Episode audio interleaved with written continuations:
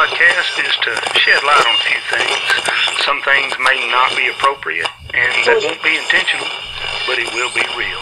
We promise you to keep it real. Good, bad, or ugly, it'll be real. Now, I'd advise you to be discretionary with your viewers and your listeners. That being said, welcome to today's plea with myself, old Joey B.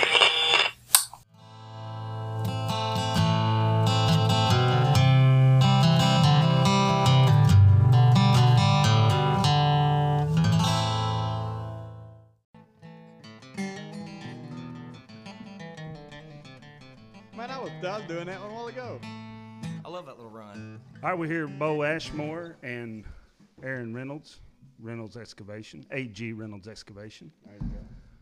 Bo, glad to have you. You drove down from where? Calico Rock, Arkansas. About Calico right Rock. at two hours. Two hours to get all the way here to White County. Yeah, where I grew up. So it was like a little trip back in time coming here. We're here in our new studio with our new equipment that we got it set up, what, 10 minutes before Bo walked in? Yeah, yeah. Fresh with it. It's entirely too fancy. I'm used to laptop stuff. Yeah, I started out, we started out doing it with a cell phone. Oh, yeah. About a $40 mic. I showed Aaron the mics I had a little while ago, about a $40 condenser mic. I don't know that my, I think I just kept using it out of foolish pride because I think the uh, receiver on my cell phone actually recorded a better quality than than that $40 mic did. And I was listening back. I recorded some stuff in Iraq, and I literally used just my laptop and um, a free program called Audacity. And uh, Mm-hmm. I'm listening back to it at the time. I was like, man, this sounds good. And I listen back to it now, and it's horrible. You can hear air conditioners rattling in the background and everything. sounds awful. Well, uh, Bo, as far as music, musically, what do you what do you got going on right now? Have you been playing much? You Um, I haven't been playing lately. You know, I, I work on the road and uh, been in Oklahoma on a job, and uh, so working seven days a week, twelve hours a day, don't leave much time for gigs. But uh, you know, nothing in the books, but I'm all for it. awesome. It- so you um, in the future, I mean, as far as music goes, I mean, you, you you're not laying it down. You're No, no, by no means. It's just um, life gets in the way of it. You know, right now I'm remodeling a house, and so I hadn't had much time for guitar. But you know, I've got plenty of songs that I've written that aren't on albums. I just need a few more, and I'll have enough for another album. Then it's a matter of just making that and putting it out. yeah. Is there is there somewhere anywhere people can go right now to buy? Yeah, you can uh, pretty much any online place that sells digital music. I mean, there's iTunes. yeah, there's Google a there's a list that CD Baby's, the company I use. Um, I think there's something like 45 different venues that sell it, but you know, obviously the main ones are Amazon, iTunes, um, what's Google Play. Yeah, Google, Google Play, Play. It's on all that stuff. So, and if you actually want hard copies, you can go through CDBaby.com and actually order hard copies. CDBaby.com. But no one does that anymore. They buy one song. Yeah, that's what I was going to say. yeah. you, you got any vinyls? No, no. No vinyls. You know, I've talked about this before. Vinyl's making somewhat of a comeback. It's a like a nostalgic kind of thing. Like in bell the- bottoms. In the, in the, in the hipster right. communities. But uh, you know, I don't I don't have a record player. I got to get one. I've got one. I just think we'll pick it up. My grandma's got it. She's got it in South Arkansas, and I just think made the trip down there. It's just like four hours. My brother bought my dad one for Christmas. It's like a, a just a, I think it's called a, whatever. It's just a box, but it's got everything in it. You know, CD, and it's all digital. It's got the MP3 stuff, and it's got a, it's got So a it's new. record. Yeah, it's, a new new- deal. Yeah. yeah. it's pretty neat. Well, this one's old. I remember it's been around for a while, at least as, as long as I've been around, because whenever they weren't home, I'd sneak in there and put that Richard Pryor record on. Yeah, oh, yeah. Been there, done that. That's right. I had some old. Uh, I grew up on. Um, I had some Jimmy Dean. My stepdad had these. Had some Jimmy Dean, you know, with Big Bad John and and all that. And then, uh, uh, of course, had some Johnny Cash, and I forget what some of the other ones were. But a few years ago, uh, my mother-in-law. Uh, she had all that, had all- all of them put on a CD for me. I need to find where that CD is, but she had all them, had someone take them and record them and, and put them on a CD. But Sheb Wooley, if you ever heard any Sheb Wooley, it was kind of some Well, that's Funny stuff. Really old school. Oh, I it's old. I hadn't heard that. No, I hadn't either. Well, you got your guitar right there, and I can tell you're all bowed up on it. Play us one, Bo. Oh, well, all right. Let me uh, get rid of this dip. I'll get over here halfway through a stone and start going to gagging. You know what? There's a trash can right back here. We do it that way. That's what I put on my new uh, intro to the podcast. I've got it that hey, we we keep it real. It's going to be real. If you got to get up and go to the bathroom, you get up and go to the bathroom. That's you right. got to, you know, you let words slip. You let how you say what as long as it's real. I said, but what you better do is you better uh, uh, be discretionary with your listeners. I wasn't expecting on singing, so I'm just gonna try to wing this one. I got a feeling it'd be pretty good. It'd be all right. It'd be all right. All right, this is um, I think it's the newest one I wrote. I don't think I've wrote any since this, but it's called uh, the hell is the name of it? Move on. That's it.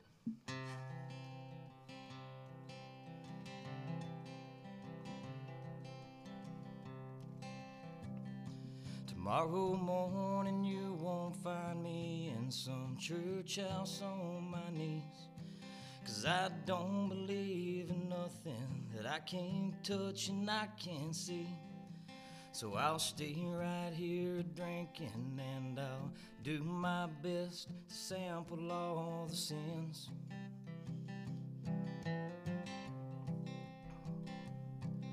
Well, the cover band here playing is a damn piss poor excuse. The guitar keeps on missing chords, they don't sound like Motley Crue. So I grab myself a napkin and I write down the song I'd like to hear. And it won't take me long to move on, cause you didn't leave me much to forget. By the way you're out there dancing, I'm the only one that hasn't moved on yet. And I regret the day we met and the way she wore that dress.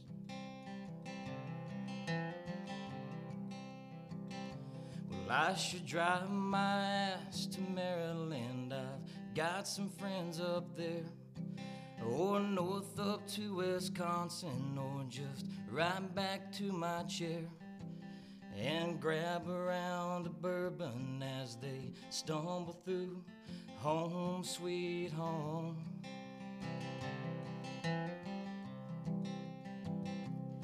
Well, my glass is half empty, or is it just half full? I don't guess it really matters, cause it's refillable. And you ain't saw me here sulking, so I might as well just hang around. And it won't take me long to move on, cause you didn't leave me much to forget. And by the way you're out there dancing, I'm the only one that hasn't moved on yet. And I regret the day we met and the way she wore that dress. Son, Very nice. That was rough. no, it was That's not. good, it was man. good stuff. Very good. You know, it, it just about gives me chills because, you know, me and Aaron grew up around here, and mm.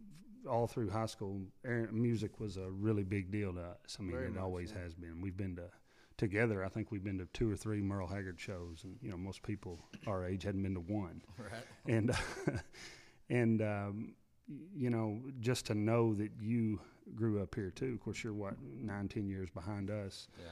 but uh, knowing you grew up on some of these same roads and knowing there's another person out there you know that, that that felt the same feeling down felt the same same, path, way yeah. yeah Well, I, I tried to shun music at first because everybody in my family plays. And, you know, when you're 12, 13, you want to do the opposite of what everybody else is doing, you know. So I, I pushed it off for a long time, but um, then women came along and I figured out, boy, I ought to pick this thing up. something about them six strings they like that stuff I mean, right. even John Cougar wrote a song about it called Play Guitar, so. That's right. It'll draw them in a little on it. Yeah. now what about uh, as far as like band have you had a band do you have a band Have you- Uh, at one time, I had a band. When I was in, in Jonesboro going to college, I, I did a lot of acoustic shows, and um, you know that's that's how I made my income. Um, then after that, I think it was about 2009, I decided I wanted to put a band together. And um, actually, Aaron's brother Andrew was drumming for me, and I can't remember the guy's name we had playing lead guitar, but anyway, just a little little three piece deal. And uh, I liked it, but I didn't like it because you know I, I like the the personability of that one on one. You know, me and a guitar and an audience, and uh, and plus, you know, if I screw up acoustic, you know, that's just me screwing up. I can just pick up, but you got three other people following you on it, and it just messes up everything. So I prefer just doing acoustic stuff. Right. Well, that's some of my favorite stuff. Yeah, it's, Yeah. it's more. It's more like I said. It's more emotional, so to speak. You know, you can uh, you can really draw an audience. You know, with just you and a guitar uh, in a way I don't think you can do with a band. You can with a band you can get them up and dancing, but I don't think you can make them feel it as much. Acoustic music's more honest. Yeah. Well, especially from a, from the songwriter, you know, from the, the story of the song. I know that we I went and saw Stapleton in Little Rock, and I mean, seeing him in that band setting was not my preference. I mean, he did fine and it was great, but uh, not my preference. I'd rather see him just like you're doing right now with a guitar. Yeah, I like the way you put it. Is it's honest. Yeah, that's that's a good way to describe it. Yeah, Yeah. you know, seeing I've seen Hank Hank Jr. several times over the years, and some of the best the best part of his concert was when he set up an acoustic guitar. He got there on a stool and he just did it by himself. You know, Right. you get you get an hour, hour and a half of that. You know, and that's that's the absolute best part of the show because that's him. You know, that's that's a raw deal. It's the real deal. And I catch myself doing this. I get on YouTube and it, you know, say it's a song I like. I'll type in that song then acoustic. You Yeah, know, try acoustic to try version. To, Yeah, find exactly. acoustic versions Yeah. of it. You know, for because you know it's songs. Uh, they change when you take the band away. You know, I'm sure that song I just did would probably sound completely different with a band and a, and a drummer. Yeah, no Mm-hmm. doubt. Yeah. And and but you know you strip them down to just an, a guitar and, and you you're left with just the, the the lyrics and the emotion of it. And you know me being primarily a writer, I mean I can play guitar, I can play lead, but I'm not phenomenal at it. Uh, you know all of my stuff is very lyrically driven. You know to me that's the important part. You know when I record something, the guitar is not out in front overpowering the vocals.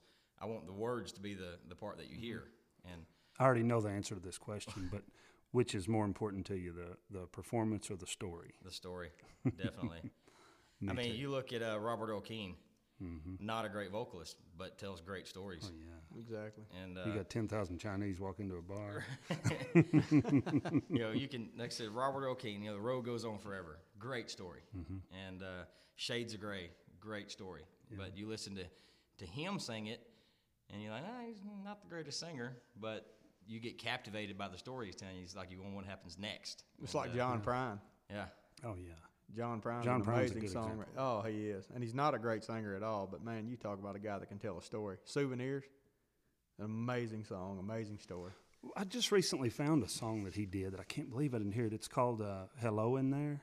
Yes, Mike, I can't believe I never heard Man, that song great song. recently. Guess I've heard that one. He's talking about his uh, his family or his or just talking about elderly people. Yeah. They're being old and getting, Getting old. yeah. And he wrote that song when he was 18 years old. That's No how I kidding. discovered it. I heard someone mention that. And it's like basically saying hello in there. You know what I mean to the elderly person. They they feel like everybody's saying hello in there. My dad wrote. My, my dad writes. They want somebody to say that. And uh, he wrote a song last year, and um, it's called uh, "We Were Young," and and that's what the song is talking about. It's talking about going out with your your wife or whatever, and you're old, and he's Pull talking that a little bit closer to you. I'll just Or a little closer. move How it about that? Either way. But yeah, he said that uh, you know the song is talking about going out with his his wife, and you know they're old and they're trying to dance, they're not able to. Says so they start heading back to the car, and he, see, he sees these young guys over there at the bar laughing at him. And he said, you know, he's thinking back, and he said, you know, I was young once and I could fight and, and all this stuff. It's it's a very very well written song, and uh, it's kind of slow and sad sounding, so that adds to the emotion of it. But that, Yeah. that general idea, it's a it's a Uh, good one. who'd you say wrote that? Uh, my dad. Oh, your dad. Yeah. Yeah. Now your dad plays guitar and writes and sings. Yeah, um, back in the '90s, Confederate Railroad used to do a lot of my dad's songs in concert. Uh, well, they did it on one tour, uh, but I think their manager or something wouldn't allow them to record them because my dad was an unknown writer. You know, he wasn't one of the the Nashville clique. He was some guy from Star City, Arkansas. So, Yeah. So From Star City. Mm-hmm. I'm very familiar with Star City. I've always we got a we have a hunting club in Monticello. All right. Well, my whole family is from South Arkansas. Um, I'm the only one. Well, me and my youngest brother Evan, we're the only ones that actually grew up up here in North Arkansas. But uh, Star City is where all of my family's from. Yeah, I had a um, uh, the Allers. I don't know if you ever knew the Allers, Elwyn Aller. For years, they owned that old grocery store in town. That in the not where you come into town right now, down the old downtown park. They're good, good people. They live in Searcy now. Yeah, I haven't. I think the last time I lived in South Arkansas was probably five. So, I mean, I go back and visit every now and again because I said I've got a ton of great uncles and, and I've got more cousins down there than I know exist. So, because I didn't grow up down there, so I don't know a lot of them. But when I was in high school, I used to go down there because my, my uncle John, my grandma's brother, he owns a big logging company and uh, Mill Creek Logging, and so they've got thousands of acres leased. So I always had plenty of places to go hunt. Yeah, So. there's plenty of Yeah. deer down there. They all weigh about 60 pounds, Yeah. but they're Yeah, everywhere. yeah, they're everywhere. Yeah, I killed a 135 inch deer, a buck that weighed. I see, I think it weighed like 140 pounds, 135 Yeah. pounds. That's It's a- unbelievable. That's a mature buck down there. That's what I mean. You kill a 130 inch deer here, and what's it going to weigh? Probably 160, 170 pounds. Yeah, Yeah, they're little, but they're they're everywhere. there's a bunch My of uncle them. Joe, before he died, he was I think it's back in the '80s. Um, somebody from the news went down there and was interviewing him, and uh, they were asking about the deer population. And he said that there were so many deer out that year that one walked out in the field, it pushed another one off in the woods. That, Hey, that's literally how it is. I mean, there's a bunch of deer down there. Up there where you're at now, there's a lot too, though. You get up Misery County, man, there's a lot of deer up there, Yeah. North Arkansas. Izard County, Arkansas. A lot of deer. Turkey's been horrible this year though, but deer's always good up there. You're talking about being raised in the north, but you sure enough went north now. Yeah, I, I, I can get to Missouri quicker than I can get here. Yeah, exactly. yeah.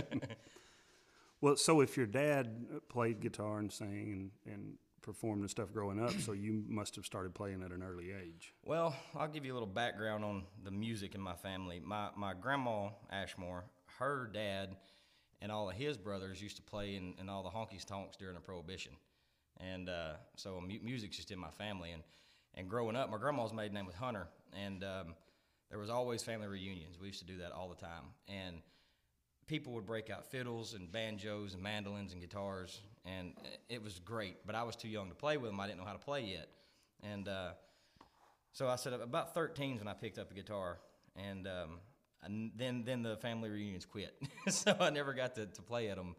But uh, my grandpa, my dad's dad, he plays guitar and sings. He's not a writer. Um, then dad plays and sings and writes. Then I play and sing and write. And now my youngest brother Evan plays and sings and writes. So, you know, the Ashmores ended up carrying on the music tradition that the Hunters started. So it's a big deal in our family. And the hunter side of your family was also from South Arkansas? Yes, yeah, from there. all from Star City area, and uh, like I said, it's it's just kind of a tradition for us. You know, like Thanksgivings are more of a concert than they are of eating at our house. That's awesome. Yeah. You know, my my dad and my brother bring their guitars, and and we all just drink gallons of beer and play music until two or three in the morning. Of course, by the end of the night, it, it's more slurring and beating the guitar than it is playing and singing. But uh, Yeah.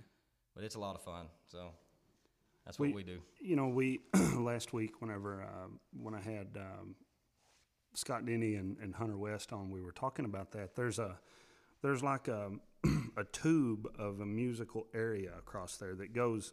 I mean, it comes from Kentucky down Nashville, down through Muscle Shoals, Alabama, and then it goes across Mississippi. You know, catches South Arkansas, and I mean, there's a, a just a stretch across there where there's a ton of music comes out of there.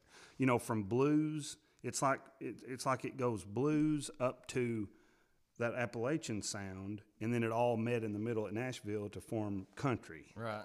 It, it's kind of neat how all that really is, combined. And that's what's weird about my style is, you know, um, people will ask me, you know, they find out I play and, and sing, and so what kind of music do you do? I don't The kind you sing. yeah, I, I, I can't really put a genre. I mean, I guess if you My want to be kind of music, broad, yeah. it would be country. But you know, I I have just as much fun sitting back listening to um, Muddy Waters as I do Mozart. I mean, I love all music. Um, Yeah. You know, I love that old blues, and one of my favorite things to listen to is Appalachian. You know, bluegrass. Mm-hmm. Not so much bluegrass as Appalachian. You know, the mm-hmm. the clawhammer style banjo mm-hmm. and the fiddles. I love that stuff, and I wish I could play more of it, but it's one of those styles. I have very bad habits with the guitar, and I, I just can't do those proper ways of strumming. So I can't play that kind of music. Well, they say you know whatever you whatever you really come up listening to, you know, or come started out playing, that it's hard to change over to play something different. You know what I mean? Whatever your style of playing is, you know, if it's not that bluegrass or that Appalachian sound, that um, like the way Tyler Childers plays, there's a, Childers, there's a style to the way he plays. Right. You know, that's different than than others. And I, you know, after I discovered him and started listening to his style of playing, it's very similar. Hi- His his way of strumming is a lot like mine.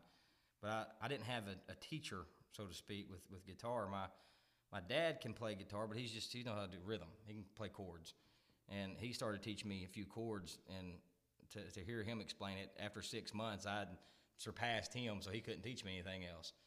And so that was before the days of YouTube, so I couldn't Right. I couldn't pull up all these lessons online, and so I taught myself a lot of really bad habits, and it's it's hindered me in some ways because I have a a vision in my head of what I want to get out, but I can't. I don't have the ability. I see. I would disagree with you. I would disagree that it didn't cause bad habits. I would say that it caused you to write your. Well, it made you stuff. unique. It you made what I you mean? you. It made it real. It wasn't just a copy of something you know that you learned. It. I love that. As far as being a technical guitar player, maybe so. But Yeah, that's as far that's as you what I being mean. you, yeah. Yeah. It's because like a lot of the a lot of the, the lead, you know, like Aaron plays. He's he's so good. I remember when I was in high school, you know, me and his brother grew up together. I'd come over, or he'd he'd uh, yeah, we'd go over to your house. You were still living Yeah, home then. yeah. We And play in the basement Yeah, I'd. I'd make him play guitar just so I could watch him and try to figure stuff out, and, and it was just amazing. But I screw. I started learning to hold a pick with three fingers, and so that really screwed me on popping Yeah. strings because I need that middle finger to do that with. You gotta but- have it, yeah, But that's now right. I hold a pick like this, and so it. it You kinda still hold it with up. three Yeah, fingers? still do. Well, I, I'm going to save most of this story for another podcast. But in the ninth grade, I taught Aaron how to play the guitar. We were in the ninth grade. I showed him. Uh, I showed him a couple of chords or three chords or something, and then 15 minutes later, he was better than I am today. he, he taught me how to do the the double stop thing, like for you know Skynyrd type stuff. The because I didn't know how I was listening to him do it. Because I'm a huge Skynyrd fan, and it's like, how in the hell are they getting that sound? What are they doing? And I think it was "Give Me Three Steps" you taught me how to Yeah, play when I was yeah, in ninth grade, right. And uh, so that's that's where I learned the double stop, and it's been a favorite of mine ever since. Yeah. And it was before YouTube was there. I mean, YouTube wasn't there. I remember, um, I don't know if you got those books at Hastings or where it was, but I remember you had a uh, Eric Clapton book and a James Taylor Yeah, book. yeah, that was when just what- Tablature just had just came out. But it was yeah. it just happened to be what Hastings had. Yeah, that's it right. wasn't like you went in for those specific books. You could just pick whatever they had, and as you know, you wasn't going to go online and order it. Yeah, Yeah, well, just at that time, just interested in learning anything. You know what I mean? Just wanted to learn. Yeah, Aaron taught me the double stops, and I think it was uh, I think it was Quaddle Bombs and Cersei. I found a Lynyrd Skynyrd book, and I would just sit in my room. And there's a funny story to this, but I'd sit in my room with the radio blaring and try to play along with with all the lead, and I could do most of it. And I actually gotten rusty on it as I've gotten older because I've went to primarily acoustic. But uh, shortly thereafter, Grandpa built me an apartment onto the garage, and now looking back, I know why because I was 13 trying to learn how to play an electric guitar. So. I remember coming out there one night. Me and Andrew came Yeah. out there one night. Yeah. Yeah, see, I thought it was just because he loved me, but apparently it's Yeah. I was driving him insane with my guitar practice. Man, I got to get him the hell out of here. I can't rest. yeah, I started out with a little Mexican-made Fender Strat and a you know little package deal, a little amp that come with it, and I'd get it as loud as it would go. But you were in the apartment. You had a little recording deal up Yeah, there. You done yeah. some good stuff up there. Yeah, Grandpa, when he built that, you know, at the time we were chicken farming, so it wasn't that we was rich by no means, but you, we were dealing with large amounts of money. You know, you might have a four thousand dollar electric bill. You know, Yeah. But uh, Grandpa built that apartment off the garage, and downstairs was a little recording studio, and upstairs was my bedroom. And uh, I mean, it was it was awesome. It was That, that was kind of where it all started for you. It, I mean, is. right That's yeah. where I started really getting into music. Because before that, yeah, I guess I was at that age. I was listening to the mainstream. Then was your alternative rock. You know, your uh, Seether was big, and you know, it was Matchbox Twenty. You know, that type of music. And I loved heavy metal, and I still do. Um, but that's what I wanted to do. I wanted to, to screaming guitars, drop D tuning, more distortion, the better. Yeah. And then I got my hands on a Dwight Yoakam album called Acoustic.net, and that's where it changed. Is I was listening to him that album, you know, it's just him and the guitar. Mm-hmm. I realized how freaking awesome that was, and so that's that's where it changed. And it was about the same time that the studio got built, and I was able to to play with stuff. I could, you know, record it and listen to it, and, and that spurred ideas, and, and so that's where it all started. Really, was that I'll tell you what, a lot of people, you, you say Dwight Yoakam, a lot of people don't appreciate Dwight Yoakam. Oh, I mean, they think he's this guy with this distinctive, odd voice. You know what I mean? Man, he is amazing. Yeah, That's I'll, I'll never forget. There was a there was a deal on uh, TNN one time, way back in the day, and it was a Merle Haggard special, and and he gets on there and sings with Merle. But there's this part of it where he he let's see, I think it was uh, he gets up by himself and te- and you know talks a little bit about Merle, and he he plays just him and an acoustic guitar, and he plays Mama's Hungry Eyes and it's amazing. I mean, he, he, he just the sound of the guitar, everything was so clean. His voice was just flawless, and it was amazing to hear him. I mean, to give you chill bumps to, to hear him sing like that, you know, just all by himself on the acoustic guitar. And yeah, he is an amazing artist, man. So talented, and most people And he's very un- overlook him. you know. underrated. Absolutely, very much so. And one, one thing I love about him is, you know, he's he's from the Kentucky. He's Kentucky, right? He's from originally. Yeah, he moved out to California, but um, that that Appalachian style survived. That little mm-hmm. upward inflection on the end of, Yeah. of his words. And if mm-hmm. you listen to a lot of your old folk music from that, you know, 1800s and earlier in the Appalachian region, that was very prevalent. Mm-hmm. And uh, and that he has maintained that. So it's a little hint as to where he's from, just in his style. And I love that. I love that about him. I think one of the things that, and I've said this before, that that created them to make that sound was there were no microphones. There were everything was acoustic. It was all on a porch. You know what I mean? Singing, and they had to get loud. I mean, if they were going to be heard, they had to get loud. Um, I think that's where a lot of that sound came from. Yeah, if you, you ever seen that movie, uh, Songcatcher? No, I haven't either. Oh, you'd love it. It's it's it's a, based on a true story, but the true story actually happened here in Arkansas. Um, you know, just a quick history lesson. A lot of these old English, Scottish ballads that came over to the New World, um, they survived in the mountains and were forgotten in England. And uh, so, a music professor in the early 1900s went around and discovered, holy shit, these people are singing 400 year old songs. Yeah. they've survived. of course, they've changed some. You know. Uh, but that's what the movie's about. It's about the collecting of those songs, and it's full of old folk music. And uh, yeah, I highly recommend that movie you like. What did you say? The Dwight Yoakam? It was acoustic dot. Acoustic.net was name the of I've never even heard the album. I've never heard It's- the album. I got to check that out, man. That's awesome. yeah, it's, and he does uh, what's the name of that? Guitars and Cadillacs completely a cappella, no guitar, just him. And his voice is amazing. Yeah. It really is amazing. that album changed it because you know I was still I was still very very hung on Matchbox Twenty. They're one of my all time favorite bands, but now I've seen how cool it can be just you and a guitar.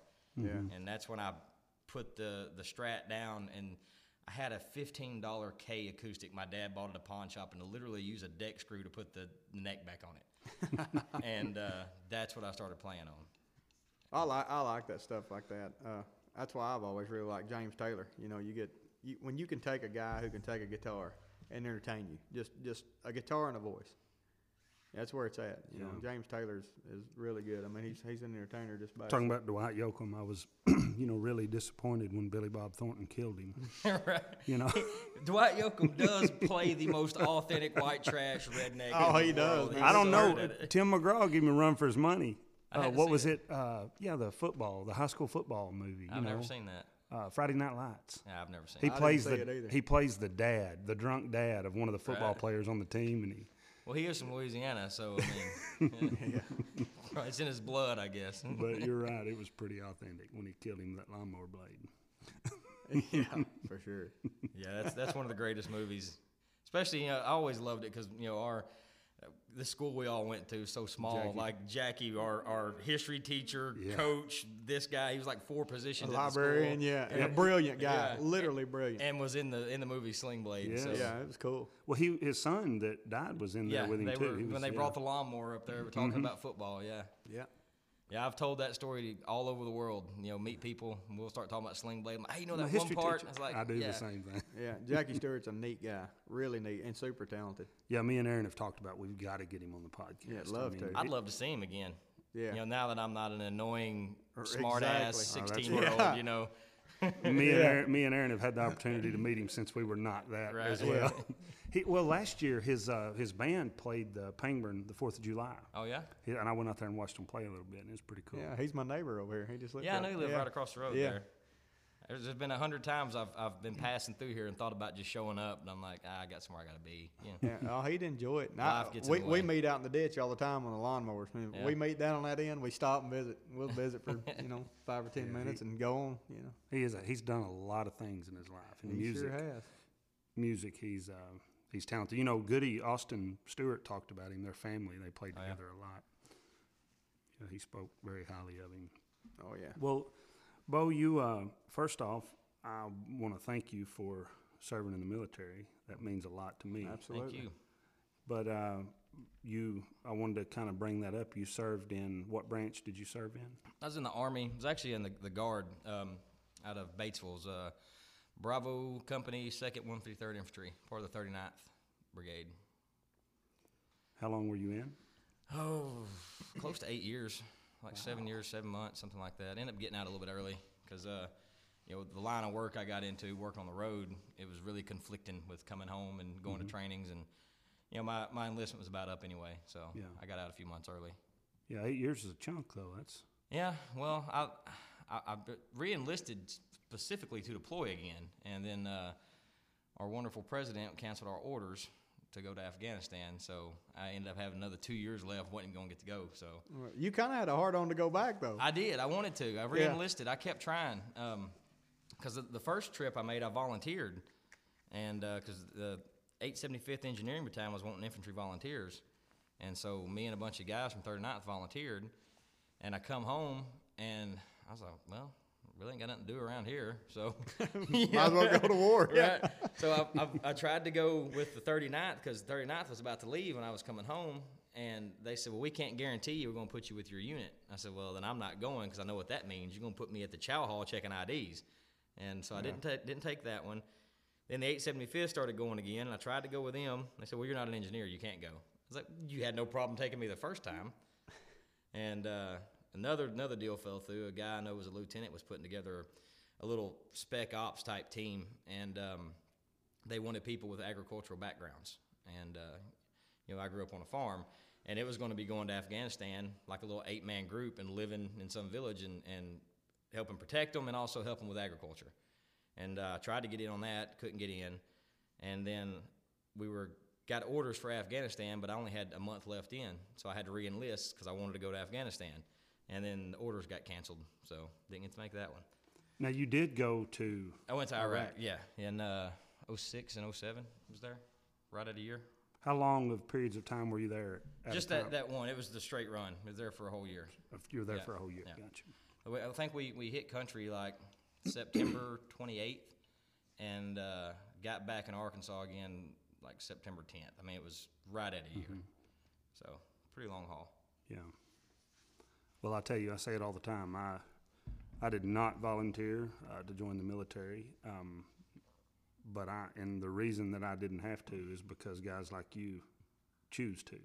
And I, I got And tired that's of a big called deal to me. cherry. it was it was another one of those prideful decisions. Every, you know, I was the new guy in the unit, and everybody else had just come back from a deployment, and they were picking on me. So I was like, "Well, I'll show y'all some bitches. I'm gonna go." Yeah. So Yeah.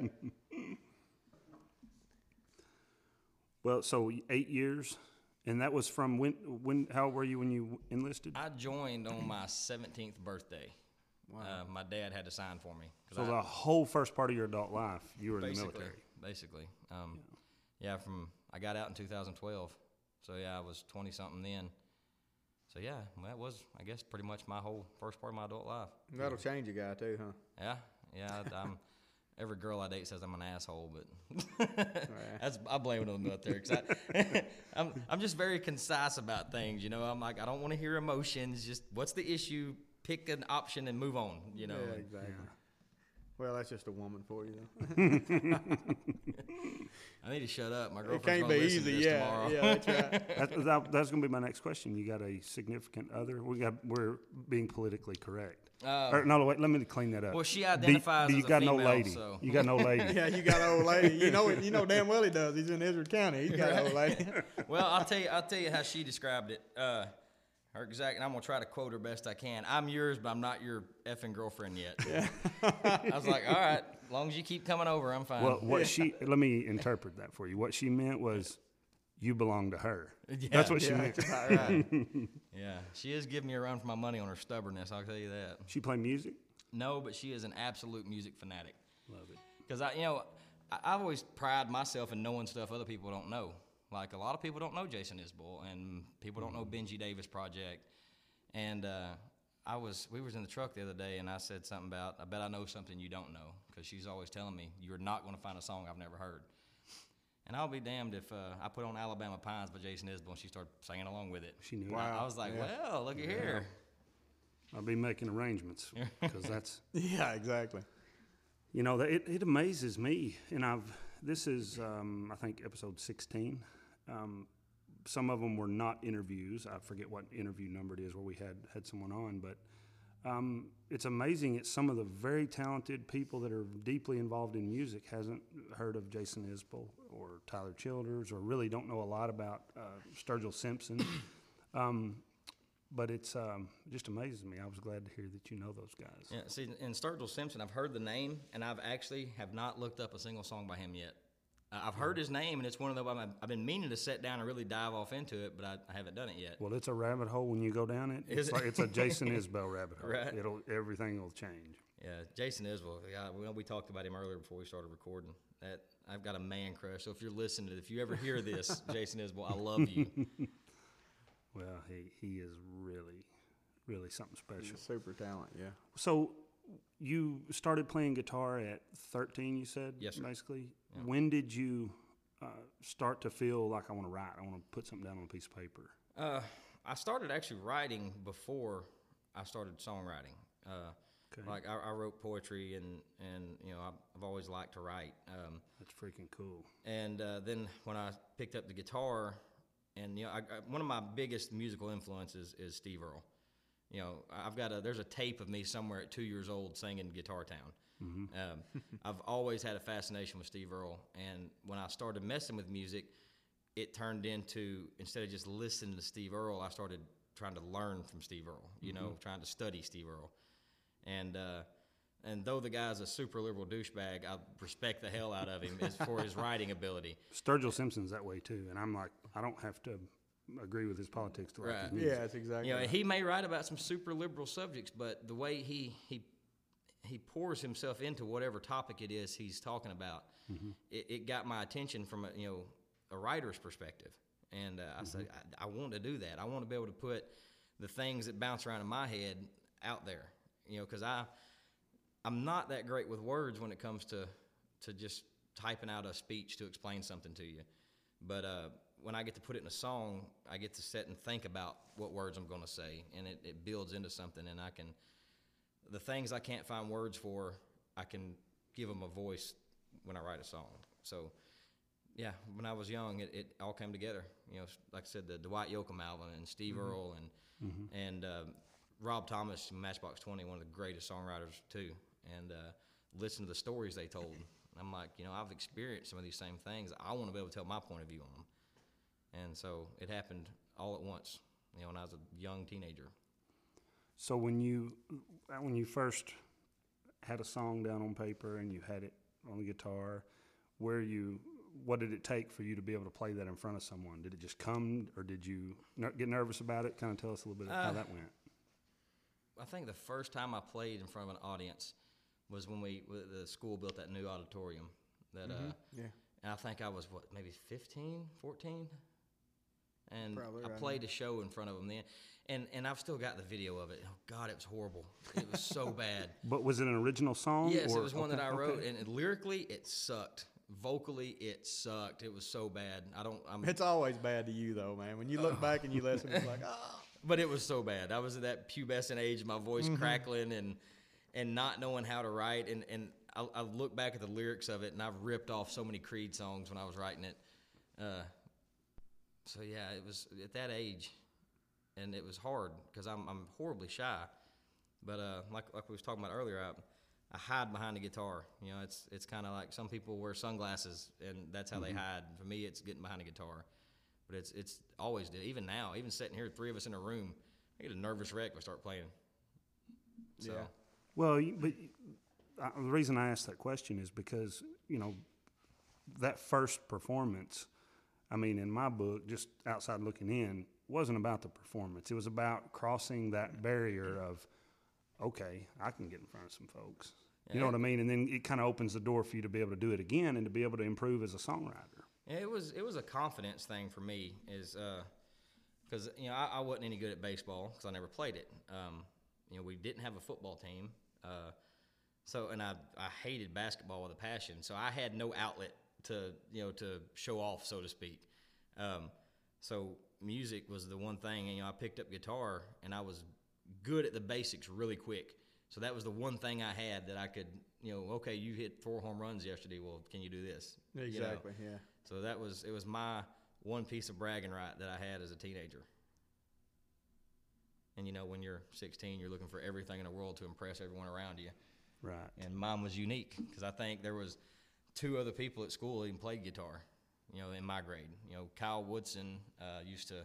He could play a few. He could play a few classical songs. He could play like canon. You know, and Garrett Taylor was hugely into hard rock, and so he played nothing but like speed metal type stuff. Does he still play? I don't know. He kind of fell off the face of the earth after we graduated. Well, Andrew still talks to him. Does he? I, had, I hadn't seen him or talked to him since we graduated. Once in a while, I haven't seen him. I know Andrew talks to him, but I, I haven't. Who was asked it him. again? Garrett Taylor.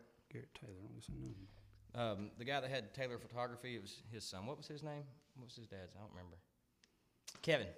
Yep, that's it, Kevin. Yeah, Kevin. Oh, they lived out there by. Um, Yeah. right there on Highway 13. yeah, yeah. yeah. Yeah. Yeah. Garrett was was phenomenal guitar player. But Yeah, he actually picked it, up real quick. It was a we were total different genres from each other. You know, I was he was into nothing, and I love that music, and I still do. And I was trying to to play like Garrett, but like I said, when I heard those that, that one album by Dwight Yoakam, that's when it clicked. That dude, I'm going down the wrong path. You know, this is where I need to be going. That's the thing about musicians. I mean, you may not particularly like a certain kind of music, but you can appreciate it. Oh, yeah. You know what I mean? No matter what it is, if you're a musician, you can you can appreciate that. especially the Someone else's talent, you can see their talent. You know. the art side of it, you know, Exactly the right, artistic yeah. side of it. I know one year, uh, me and Andrew and Garrett were going to do a, a performance in the talent show. We were going to do a song, um, Halo. What was the name of the band that did that? Real hard rock song. Uh, anyway, Soil was the name of that. Yeah, thing. yeah, yeah. Super hard rock song, and we previewed it to the judges, and they said, "No." That's how you know you went to a small country ass school. And they, Exactly. They were like, "That song is of the devil." well, let me tell you, uh, Aaron. I don't know if you had come to Central yet or not. You remember we used to do the, the program every year. They would have a program. One year, I can't remember what grade we were in. Might have still been in elementary school, but we did smoking in the boys' room as a school program. I'm not kidding you. You, I mean, you know that song, right? I mean, Oh, yeah, smoking in the boys' room. It's not an appropriate song by no means. And you were in elementary. and we set up an outhouse. Who the hell's idea was that? I have no idea. But we set up an outhouse on the floor, you know, and that was the boys' room, smoking in the boys' room. or- and uh, I just look back on it and I think there's no way that song would would pass the approval committee today. you couldn't do it now. It's amazing how much schools changed since we were in there. Oh yeah, I, I pull, actually before I stopped here, I had to make a little run down there. I pulled in the Did you? parking lot and just looked around. I was like, God, I got so many memories right here. I know. and it- it's changed a lot, know, man. It's they- changed a lot since you were there. yeah, the uh, the ag building's part of the main building now. You know, they've connected it all. and Yeah, it's sure totally have. different. If you went inside that gymnasium, you'd be amazed too. Yeah, I bet I would. I didn't go that far. I just went to the student parking lot there and turned around. That's where the memories were. Yeah. Remember, uh, well, I don't know what all I need to tell on here. Some of these folks are still around and they probably still work at the school, so Well, they might. I'll just I'll leave that one for a different time. Well, when it comes to writing, what influences you to write? Life. Uh, that's the best way to describe it. Um, every song I write either is something I've done, I've witnessed, someone I know went through, a story someone told me. Um, like I've got an old song. It's actually on that first album I wrote uh, called "Soldiers, Women, and Wars." Um, there's a couple songs on there that were stories about guys that were in my unit. You know, because the the cliche thing that happens is while you're deployed, your old lady runs off on you. So that happened to a lot of guys. You know, women stole their money and wrecked their lives, and, and these guys were telling me their stories, and I put them in songs. And, and I'll be damned if it didn't come true for me too. But so Some sorry ass women, man. Out there serving your country and they're going to run off on you. Oh yeah, mine, mine, and she probably will hear this if she gets on Facebook, bastard. Um, I had one living in my house while I was gone. I was paying their bills and didn't even know it. Wow. So I got lots of good songs from that. yeah, no doubt. Well, play us. Uh, pick another one out. The, the one you just talked about there. You want to play that one? Why don't you do that one? Oh God, that one's very very horrible. It's a comedy song. Um, uh, that one is. Let me think here. It's been so long since I played any of those. Like everything that was on that first album, I got so burnt out on them because I was really trying to push music then, and so I played them so many freaking times that uh, I, I just hated them. I got to where I don't even like to hear them anymore. Me and Aaron have talked about that before about songs that you listen to. I mean, it, it, one of them that comes to my mind is "A Country Boy Can Survive." I know it's a great song, Right. and I've loved that song as much as you can love a song. But I've heard that song so much that when it comes on, I'm just like, I can't, I can't hear it again. Yeah.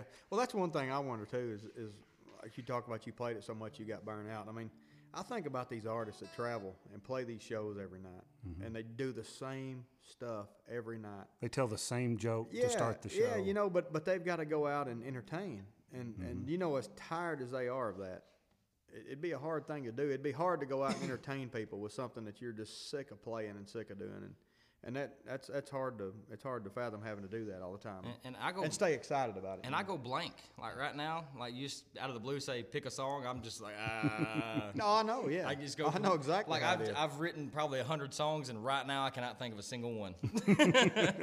Well, it's like, and, and any time someone will say, well, well, play me something, man. Just, just pick one out. Just play something you know. And you're like, nah, I forgot them all. yeah, I don't know anything right now. For yeah. me, playing songs in a setting like this, it's almost like a conversation.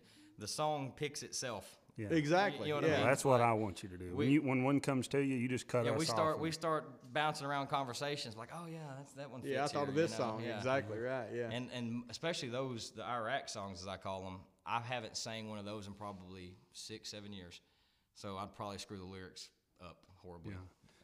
Even though you wrote them. Even though I wrote them, but yeah. But as soon as this is over and we're done recording, I can Right. walk out there and recite the whole thing. It'll be yeah. no problem. Right. Exactly Yeah. right. Yeah, no pressure then. Yeah. Like I said, I, I get I get stage fright even sitting in here. That's the reason I'm trying to. These are trying to help, but Yeah. I got to drive home later. That's a completely natural thing, though. or I can sleep on that little red couch over There there. you go.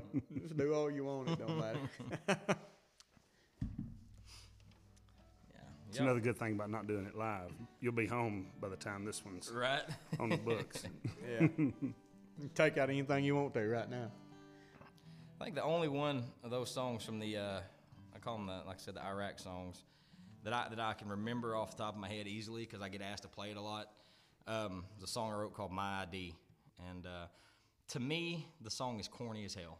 You know, it's just that's how I feel about it. But um, it's got a really interesting story behind it. It's a true story to a degree. Um, what happens when I come home from Iraq? I was 20, and most of my friends were 21 and older, and then they were all wanting to go to the bar, and I couldn't go to the bar with them. I kept getting kicked out for fake IDs. And, And you done um, served in Iraq. right, and it, it really pissed me off. It would. So uh, I went to the, and I'd been kicked out of the brick house like four different times with four different fake IDs at this point. And so here I am, 20 years old, and I get sloppy drunk before I ever even leave the house. I mean, we'd sit there and drink like a bottle of whiskey and no telling how many beers. And uh, I walk into the, the brick house, and the, the bartender's like, dude, we know who Like, you really? are. He- He's like, No glasses, no hat's going to fix this deal. Yeah. he was like, "You are not coming in here unless I see some ID." And like I said, I was sloppy drunk, thinking theatrics. You know what would work in the movies, and I just ripped my old dog tags off and threw them on the bar. I said, "There's my fucking ID," you know. And uh, so the Jonesboro Police Department escorted me and my dog tags outside. and so the next day, of course, I'm extremely hungover and I'm in psychology class, and I should have been paying attention, but instead I was writing this song. Um, so anyway, it's called My ID. Like I said, it's um, it's true in the fact of the situation. Um, I personally was never wounded or anything, but I, I put that in the song because you have guys that are 18, you know, and will lose two legs and an arm, Absolutely. and still can't buy a pistol, you know. So, uh, Yeah. So I, I took that concept because you know, like I said, there were people who were greatly affected by it, you know, their service, and were still, in the eyes of the government, deemed not responsible enough for a beer or a pistol. But But at they can give their life. But at 18, you can you can go over and handle a fully automatic, you know, M2 HB, 50 cal. there's no argument that, they can Yeah. justify it. So it's, No, absolutely not. but this is one of those old songs. Like I said, I, I should have rehearsed some of these before I come here so I could remember them, but I do remember this one.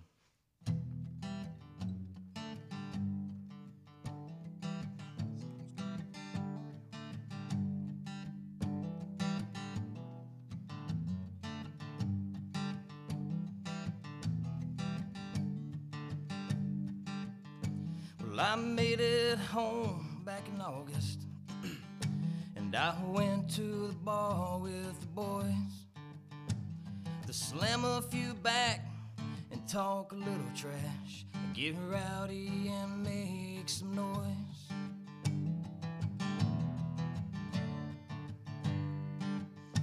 Well, I walked up to the counter, and that bartender looked back at me.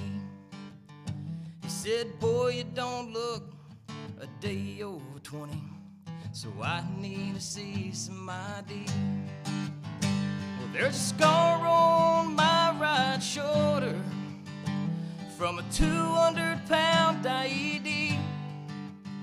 I got two purple hearts and a limp when I walk from the bullet that tore through my knee.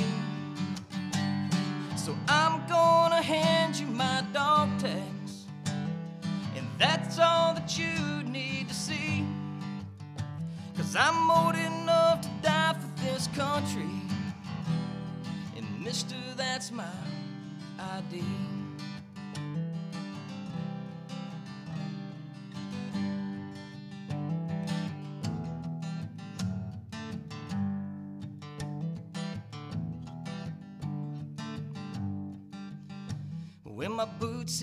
Sand, I was 19. And I turned 20 in those streets. Just walking around with the sun beating down. And God's watchful eyes over me. And on the day that I took my bullet, my best friend, he took three. But he never cried, he just laid down and died. And he was the same age as me. And there's a scar on my right shoulder from a 200 pound IED. I got two purple hearts and a limp when I walk from the bullet that tore through my knee. So I'm gonna hand you my dog tags, and that's all that you to see. Cause I'm old enough to die for this country, and mister, that's my ID.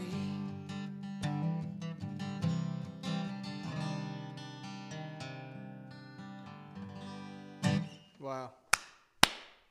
I Very you, good. I got chill bumps, I man. did too. That brought tears to my eyes. No kidding. Yeah, I was incredibly hungover when I wrote that one and mad. That's that's awesome, man. You know, that it's that the- is that is feelings and lyrics right there, though. That's life. Yeah, it's uh, like I said, it's a it's a it's a stupid situation. You know, like, and I, I don't want to get political by no means, but you know, nowadays with all this gun control stuff, they're raise it to 21, raise it to 20. I'm like, we, you can go handle fully automatic, you know, weapons for the military at Yeah. 18, but we're not responsible enough. Exactly. Well, it, it, it can't be both. It has to be one or the other. Right. Okay, if you're going to say this, well, okay, then they can't go in the military till they're 21. Or if you're going to say they can go in the military, I mean, you can't have it both of those. yeah. It's, Or uh, you, or you've got to say that, okay, well, the guys that served in the military get a pass. If you didn't serve, Right. sorry, it's 21 for you. I mean, Right. it'd be fine with me if that was the, if that was the change. they I mean, it don't matter for me at this point anymore. I'm getting old. I can buy whatever I need to. So Well, I'll tell you, I'm honored that you played that song on here, and that's the whole point of this podcast. I mean, there's you can't tell me there's not a million people out there that if they if they get that song across their ears, they're gonna fall in love with it. Yeah, and hear that story. I mean, No the only about it. reason you're not a millionaire from that song is because ain't enough people heard it yet. Right. Well, that's that's always been one of my, my popular ones. Is people love that one, and and I think, like I said, because it is it is such an honest and, and true song. You know, it's uh it's it's a real it's a real topic. You know, Yeah. and like we were talking about earlier with you know the the Steve Earle stuff is you know Mm-hmm. he- you know he'll take social situations and put them into a song, make a story out of it. You know, um, Yeah. he's got a song called "Rich Man's War." Uh, I don't know if you've ever heard that one or not, but uh, you know, and, and it's it's an opposition to war song, and you know, and that's fine. You're you're allowed to oppose it. Uh, Yeah. And and what he done is he took a, a, a situation that he did not agree with, and he made up a story of a young guy, you know, going off to war, and his bills getting behind while he's off over there. But the neat part was the last verse. He made it from the perspective of the quote unquote enemy. You know, these poor Haji kids. You know, some rich man paying them to go blow something up. It's the same thing here. Rich politicians pulling the strings and deciding who we're going to kill, mm-hmm. and they got the same problem there. And so, mm-hmm. Steve Earle doing that is is this was my kind of response to something Steve Earle would have done. You know, take a, a, an issue and put my story in it, and uh, you know, my interpretation, so to speak. And, and it's that's the whole thing. It's okay to disagree. What's not okay is to try to force me to have to disagree too, Right. because you disagree. That's the part that's not okay. But I don't. I mean, and I don't even. I don't even get mad at people that have a different opinion than I have. of it. Everyone's entitled to their opinion. Yeah. I'm the same way. When you think what you want, I mean, I have to. Right. Yeah. And Toby Keith's done good with that stuff too. Well, you know, and this is um, it sounds horrible to say it this way, but it's kind of a fact. But the military stuff, the war songs, they're they're past their point now. You know, the the war has grown like quote unquote boring. You know, 'cause we've been doing it so long.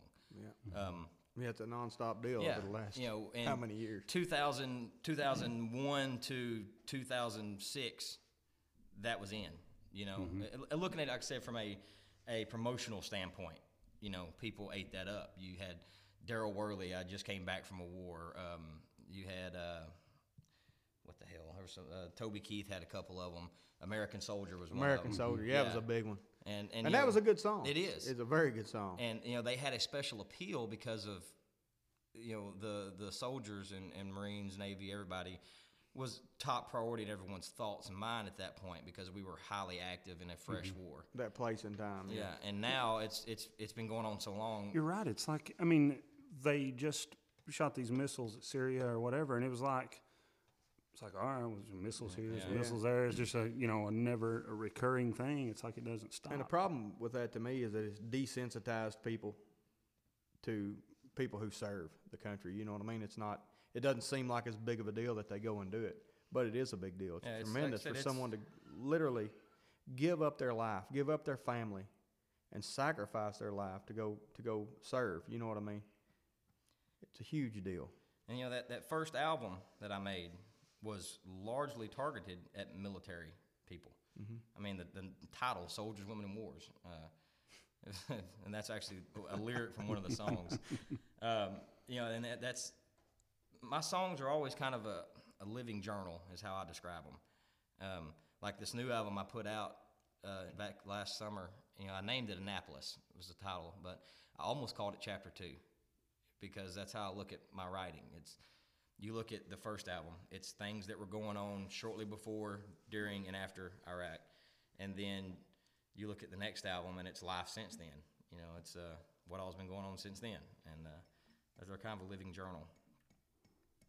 so now Annapolis, that was where you were I was- living at the time when you wrote those. Well, and like we said earlier, you know, I go through these phases to where music is it just overwhelms me. It's all I care about, and then I go through phases where I won't touch a guitar.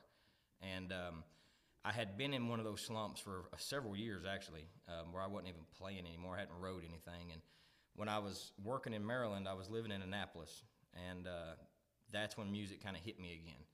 And so I figured that would kind of be the tribute, you know, to Annapolis is that's where I was whenever it hit me again. So I named the album Annapolis, and I, I wrote a song called Annapolis. It's on that album, and um, that was the first song I'd written in a long time, and so that was kind of my little, like I said, tribute to it. Right. So you said Jason Isbell uh, is one of your big influences right huge, now. huge, and has been for several years. Who else? Um, Dwight Yoakam, um, not necessarily for his songs, but for his style. Because I mean, he has a bunch of good songs, but he doesn't have songs that grab you by the heart and make you believe something, so to speak. Um, Matchbox Twenty, Rob Thomas, huge influence. Uh, Staind, huge, huge influence. My favorite band of all time. I love Aaron Lewis uh, and Steve Earle. Uh, Benjy Davis Project. I don't know if any of y'all even know who he, who that is. I do not. no, I don't either. Phenomenal. The guy's name is obviously Benjy Davis. Um, that when they were together as a band, it was Benjy Davis Project, but he still does stuff as Benjy Davis. Uh, they're what I call college bands. You know, they they're- that's their target. They run around playing college campuses, like Corey Smith used to. Uh, Benji Davis, though, phenomenal, phenomenal songwriter, and uh, Lucero is another huge influence.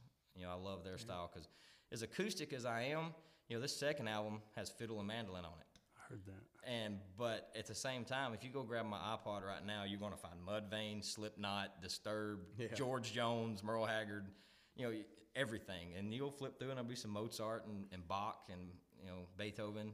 Again, you're a musician, though. I mean, you can appreciate it all. I love it. I, Yeah. I love every kind of music. And you might even find some old school Tupac. There floating you around go, in or there. some Snoop Dogg. You know what I mean? Yeah, everybody, everybody's got to love a little think, I, bit of that. I think I right? listened to when Thugs Cry on the way down here When thugs cry. yeah, because I could definitely relate to that growing up out here, right? yeah, yeah. You better believe it. So yeah, the anyone who can write a song that tells a story and it gets my attention is an influence on me. Um, I love hearing that. You know, Dwight Yoakam didn't have a lot of those songs. You're No, right, but he had some man, he could. great had, had he had them, he could sell them. Oh, I know That's it. one thing about that I was saying earlier about him singing "Mama's Hungry Eyes." That is one of those songs. You know what I mean? And he sold it. It was awesome. it's like you know, like I said, Jason uh, Jason Isbell. That song I just played, that one chord, that Yeah. I stole that. I'd never seen that chord. It's basically a C minor, but it's some weird version of it. And I saw Jason Isbell do it at, at a live performance when he was doing Dress Blues. He said, "Sleeping in your dress blues." That's how he walks down back to that G's. And I saw that chord and I heard it. I was like, "Oh my God, that's the most beautiful chord I've ever heard in my life. I have to use it in some way." And so yeah, I stole it and used it for my little walk down there. But yeah, it's huge influence. Yeah, You play, uh, you play. You got any Jason Isbell songs that you Yeah. play? Um, not that I could probably pull off right now since I ain't singing much because it's high. Cover Me Up's one of my favorites. Um, I'll try it. You can edit all this out if I screw up, right? Yeah. okay, because there's a good chance I'm going to on this one. This one's really high.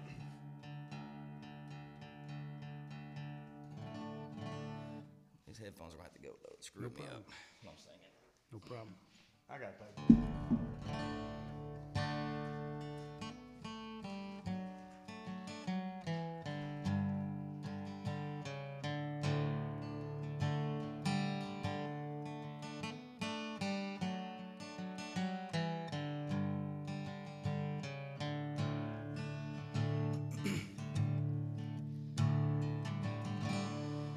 Heart on the run keeps a hand on the gun. You can't trust anyone. And I was so sure what I needed was more. Tried to shoot out the sun. And the days when we raged, we flew off the page. Such damage was done. But I made it through, cause somebody knew I was meant for someone. So, girl,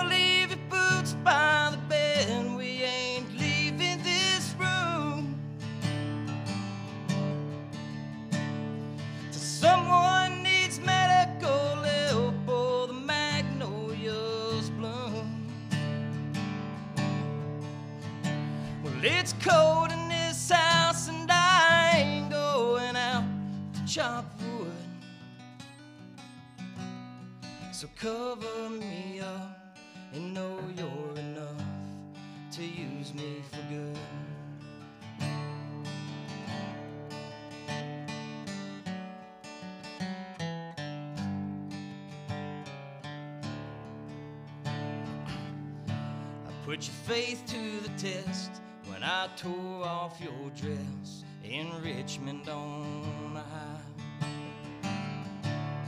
But I sobered up and I swore off that stuff forever this time. And the old lovers sing, I thought it'd be me who helped him get home. But home was a dream, one that I'd never seen till you came along. So, girl, leave your dress up to dry. We ain't leaving this room till the Percy priest breaks open wide and the river runs through. It carries house on the stones like a piece of driftwood. So cover me up and know you're enough to use me for good. So cover me up and know you're enough to use me for good. Killed it, son. Killed it. It's a good job.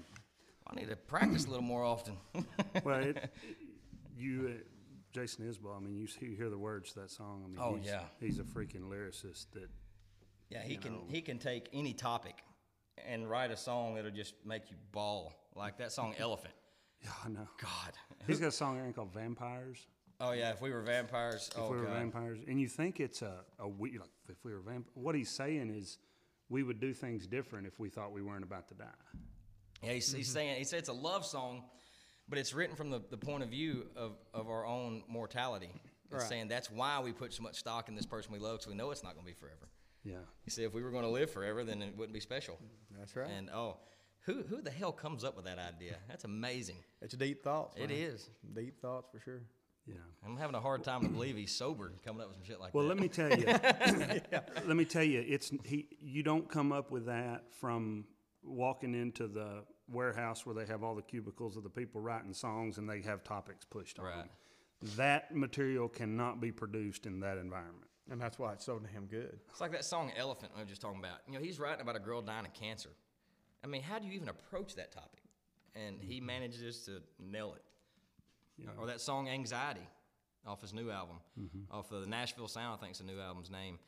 Um, song called Anxiety is talking about having anxiety. Who, how do you even write about it? Yeah. And, but yet he has taken this song, and not only is it badass musically, lyrically, uh, off the charts. I don't know how he does it. Now, I envy that uh, because you know, like the things I write are never clever. You know, and he's got these super deep and meaningful, and they're clever. And you know, mm-hmm. and I, I want to be able to do that. And uh, I can I can write a song and tell a good story, but I can't be both. I can't be clever and deep at the same time. I haven't managed it yet. Well, I'll take I'll take what you're doing over just being clever any day. But it's uh, it's it's definitely an art, definitely an art. And you've and like anything else, if you if you don't work at it, you're never going to get better at it. You know, writing is one of those things because you, you can, for me, you know, as my worst critic, looking back at my first album as to as opposed to this last album, and there was a you know eight year gap between these albums. My writing has matured and it's changed. You know, the the way I word things, the way I view things ha- has changed and uh, you know that's it's it's it's evolving all the time. And uh, I think the more life experience you have, the, Yeah. the the better your songs will be. You know, and it's like you look at you look at Johnny Cash and, and Merle Haggard, and you know these guys, the Outlaws, dude, they were living some wild ass lives. You know what Oh, I yeah. mean? And and I think a lot. Lives that people are too smart to live. Right. You, you can't. Those songs can't be written again. No, and, and you know, when I was in college, I, I got it set in my mind. I had to, I had to put myself down that path if I wanted to be like them. So I just got, you know, I was being as wild as possible without, you know, like, you know, robbing people and shit. But, you know, but you know, Within reason, Yeah, yeah. within reason. Uh, Murder, no drinking murder. all the time and partying down, you know, and and trying to create these situations for me to pick up little tidbits and put them into a song. And Can't um, force it. No, you Like, can't. like reasons to quit. Yeah. right, yeah. Yeah, and see, I've got a few little comedy songs I wrote that are kind of they're quite vulgar, but uh, they're stemmed from from those college days. Like uh, the one I was talking about the the the wife deal when I was in Iraq. I got one called the ex-wife song. That's really funny. It started out as a joke, but it, ended- I wrote it as a joke, then it came true, so I had Let's to it. had to add a third verse. Let's hear it. See if I can remember this one. It's been a long time. Oh, I forgot my drop D. I love that sound. That's as good as it gets right there. Up or down, it don't matter, does it? Because you know when you hear that drop D coming, you know something good's coming. A lot of times, that's exactly right. Yeah, like that. Uh, I'm sure you saw it on my Facebook. That Wayfaring Stranger I did, and I, to me, that's one of my artistic masterpieces. You know, because I took this song that's written in the 1700s, and it's been covered by a thousand people, but it's always been done bluegrass. And I'm mm-hmm. listening to it, thinking, dude, I hear dirty Delta blues. Mm-hmm. It's all pentatonic. I was like, I've got to do it. So, anyway, this song is called the ex-wife song. So, if I can pull it off. Parental advisory needs to scroll across the screen right about now. Ah, I get a little refreshment there. Mm-hmm.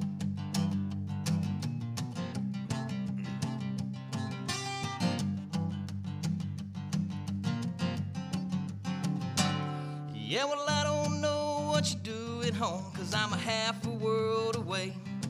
But you call me up every now and then, and you tell me everything's okay.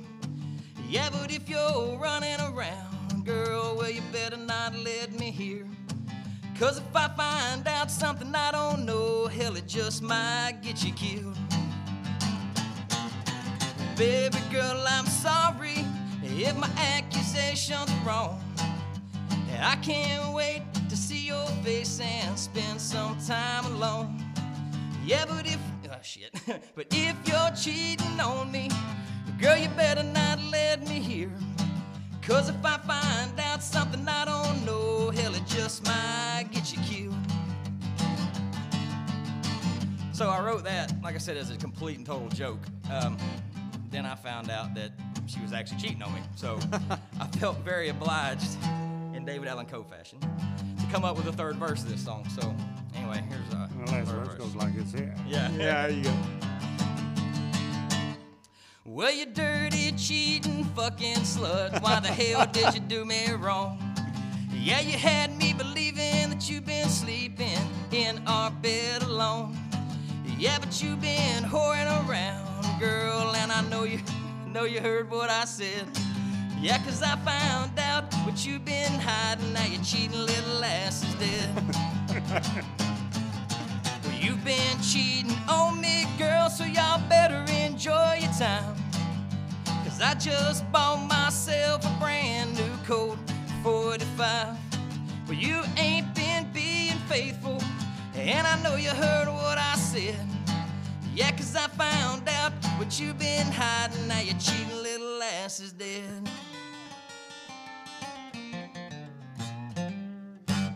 yeah. That's good stuff. I hear I could hear a little hint of uh, uh, Paul Thorne. Is that his name? You ever heard him? Have not. Paul Thorne. He uh, he does some comedy. I mean, that's all he does is comedy songs like that. He's got some. Yeah, that one. Um, Maybe he's got a little Bo Ashmore in him. Yeah, that's what I'm thinking. Yeah, I, I wrote that. Like I said, as a complete and total joke. And like a week later, I'm like, son of a bitch. I'll be damned if it wasn't right. yeah, I gotta jinx myself on that one. Yeah. Created the situation. Right. They say if you think something long enough, it'll happen. you All know? right. Well, there's a lot of things I've thought, and that some bitch is still breathing. So. Maybe someday. Getting out of hand. I got to have plausible deniability, and I keep giving hints, so I need to stop.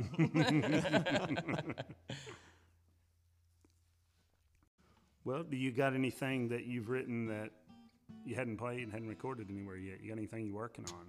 Uh, right no, I haven't been. Um, not not recently, 'cause like I said, I just got home and I've been remodeling my house, so I've been pretty pretty immersed with that. But what what I do catch myself doing is I I walk around and I kind of make lines up in my head sometimes, and uh, and, and that's that's how I try to make songs up because some people have processes to writing.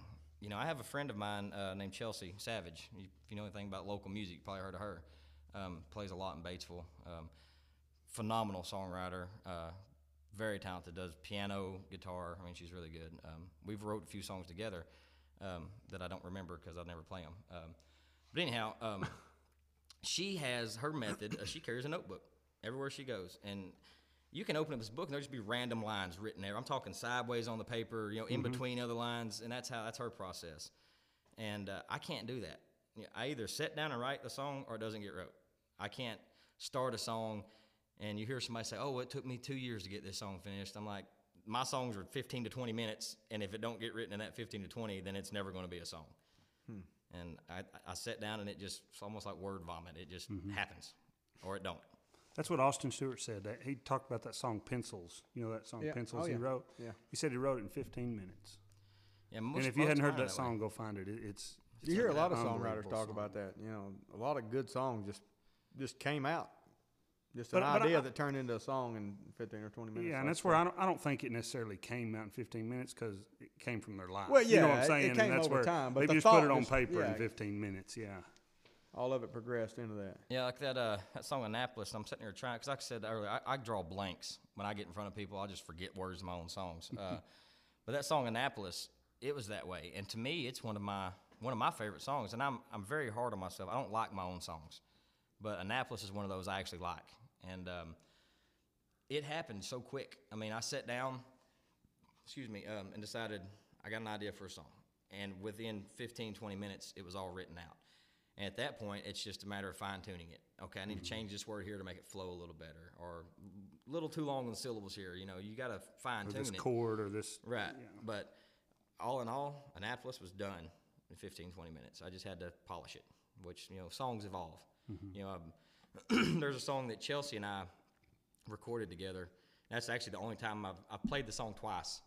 The, the day I wrote it, I made a little quick recording, and then Chelsea and I recorded it live at her house, and that's the second time I've ever played. it. I think it. I've heard that one. And posted it. if you look at the first version as opposed to the me and her doing it, the song evolved. The Mm-hmm. timing changed a little, and it's so much smoother because it's almost like you gave that song some life, and then it kind of took its own path. yeah. You know? Almost every songwriter I've interviewed has said they thoroughly believe a song writes itself. Oh yeah. You, You know that it writes itself. It comes when it comes and how it comes. you just got to open up the cage and let it out. You know, and it's a matter of finding that cage 'cause you don't know where the hell it's hidden. you know. Yeah. but certain things in life will lead you right to it, and and that's what Annapolis was. Um, you know, uh, I got divorced. Technically, been married twice. I really don't count the first one because I was married like four months. You know, so I never, I don't count. That's hers, just a bad idea. yeah, that's what that was. That was. I'll tell you how that one happened. I was I was mobilized to go to Iraq, and you know I dated this girl through high school, and they handed me this piece of paper that shows what your pay scale will be. And then there's a single and a married pay, and I'm looking at that married one. I'm like, damn. Looking pretty good. So I went I went home and ser- this is the proposal. Hey, you want to get married? She's like, yeah, I guess. It's more money. yeah. We ought to do it. So that's how that happened. I really don't even count her, but my second wife, which is my first wife, I like to call her, uh, that was like a five year deal, so I actually count that one. But um, I, you know, after her and I got divorced, I'd been in that slump where I didn't write. You know, I had no mo- motivation whatsoever for anything artistic. Um, then I was in Annapolis, and it came back to me, and so I'd never really um, let that part out. I guess you know, the getting the divorce. Not that it was necessarily a bad idea that we did, but you know, still you have to have closure on anything, you know, no matter what it is. And I'd never really let myself do that because this is my only outlet, and I was avoiding this. Um, so I wrote that song Annapolis, and the, the song is actually not so much as of a lovey song because in my head it's sarcastic, but whenever it comes out, it sounds lovey. But it, I promise, I wrote it. I know it's supposed to be sarcastic. So, but the whole song is talking about bar hopping, and it that actually happened. I was off that Sunday, so Saturday night, I walked down to the old part of Annapolis and got snot slinging drunk, going from bar to bar to bar, and uh, like so bad there towards the end they didn't let me in the last bar, you know. but uh, but it was I was sitting there in the middle of all that. I was thinking about this divorce, and I was thinking, I hope you're fucking happy, you bitch. You know, that's that's the thought that went through my head, and so that's the hook line of the songs. I hope you're happy. And uh, but anyway, I'll try to I'll try to pull it off. Said, uh, you know, thankfully you can edit if I screw up. We'll start over. Annapolis, name of it, right? Yes, it's uh, Annapolis. It's the title track off the uh, the last album I just put out. I remember what key I do it in. Yeah, we'll do it in C. We'll try that. Now, it's also I feel like I gotta say this. Uh, I feel like it's somewhat of a rip off of Jason Isbell because I had been listening to him so much. It it's reminiscent of Alabama Pines. You know that one by him? It, it reminds me of that, but once it gets going, it, it veers off and takes its own path, but it is reminiscent.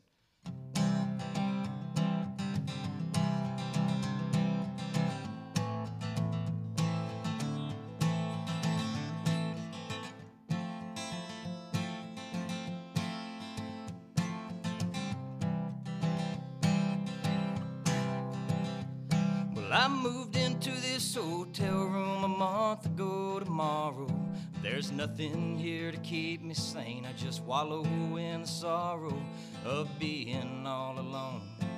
And drinking too much whiskey on a Sunday afternoon. Well, that cold wind coming off the bay is freezing me to death as I make a round on Church Street to the tavern on my left where I sit and spend my money just to have a little company, even though it ain't sincere. And I hope you're happy.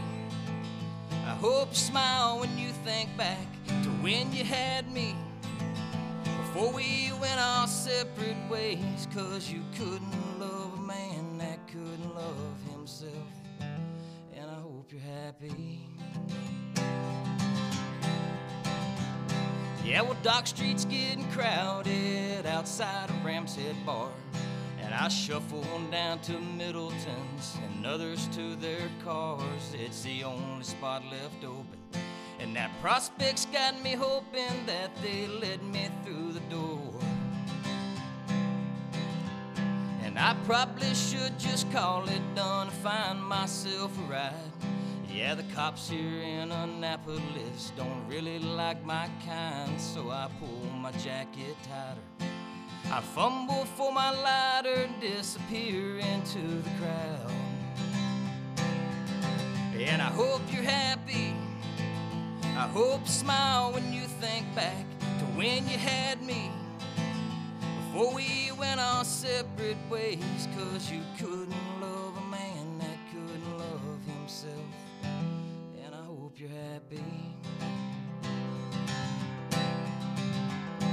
I moved into this hotel room a year ago tomorrow. Still nothing here to keep me sane. I still wallow in my sorrow, and I'm sick of all alone. And drinking too much whiskey on a Sunday afternoon. Good stuff, brother. Very good, Super yeah. good. It doesn't sound sarcastic at all, does it? It sounds damn good. Do you, uh, when you write a song like that, um, is there ever the, the time when you play it and it takes you right to when you wrote it? Like the mindset, the situation, the room, the town? Uh, yeah, that song does. There's a couple songs I have that that are very personal to me, and they will take me to that. Um, and that's that's one of the challenges that I face as a songwriter is because, you know, like I, like I said earlier, I don't know if I said on recording or not, but writing to me is a living journal. You know, I'm I'm putting my life in, in songs, and that's a huge risk because you are putting every dark detail that you don't want to talk about out there for everyone to listen to, and uh, that's scary. And uh, like that one's not so much because it's vague enough that you can, you know, it Yeah. can be about anybody. Um, but I've got another one, and uh, I, honestly, I don't play it because it, it's just it's too personal for me. Um, I, I played it when I wrote it, and I played it, and I put it on the album, and I haven't played it since. Uh, but it's called Bitter Man. I've and heard it. I've listened to it a bunch of times. I, uh, I hate that song Really? because it's it's it's so exposing. You know what I mean? you wrote it, what, about two years ago? Uh, no, last year. Last year, Yeah. year ago? I mean, it, that song's a 100% true story. There's nothing falsified. It's it's me, and that's scary to me. You know, because Mm-hmm.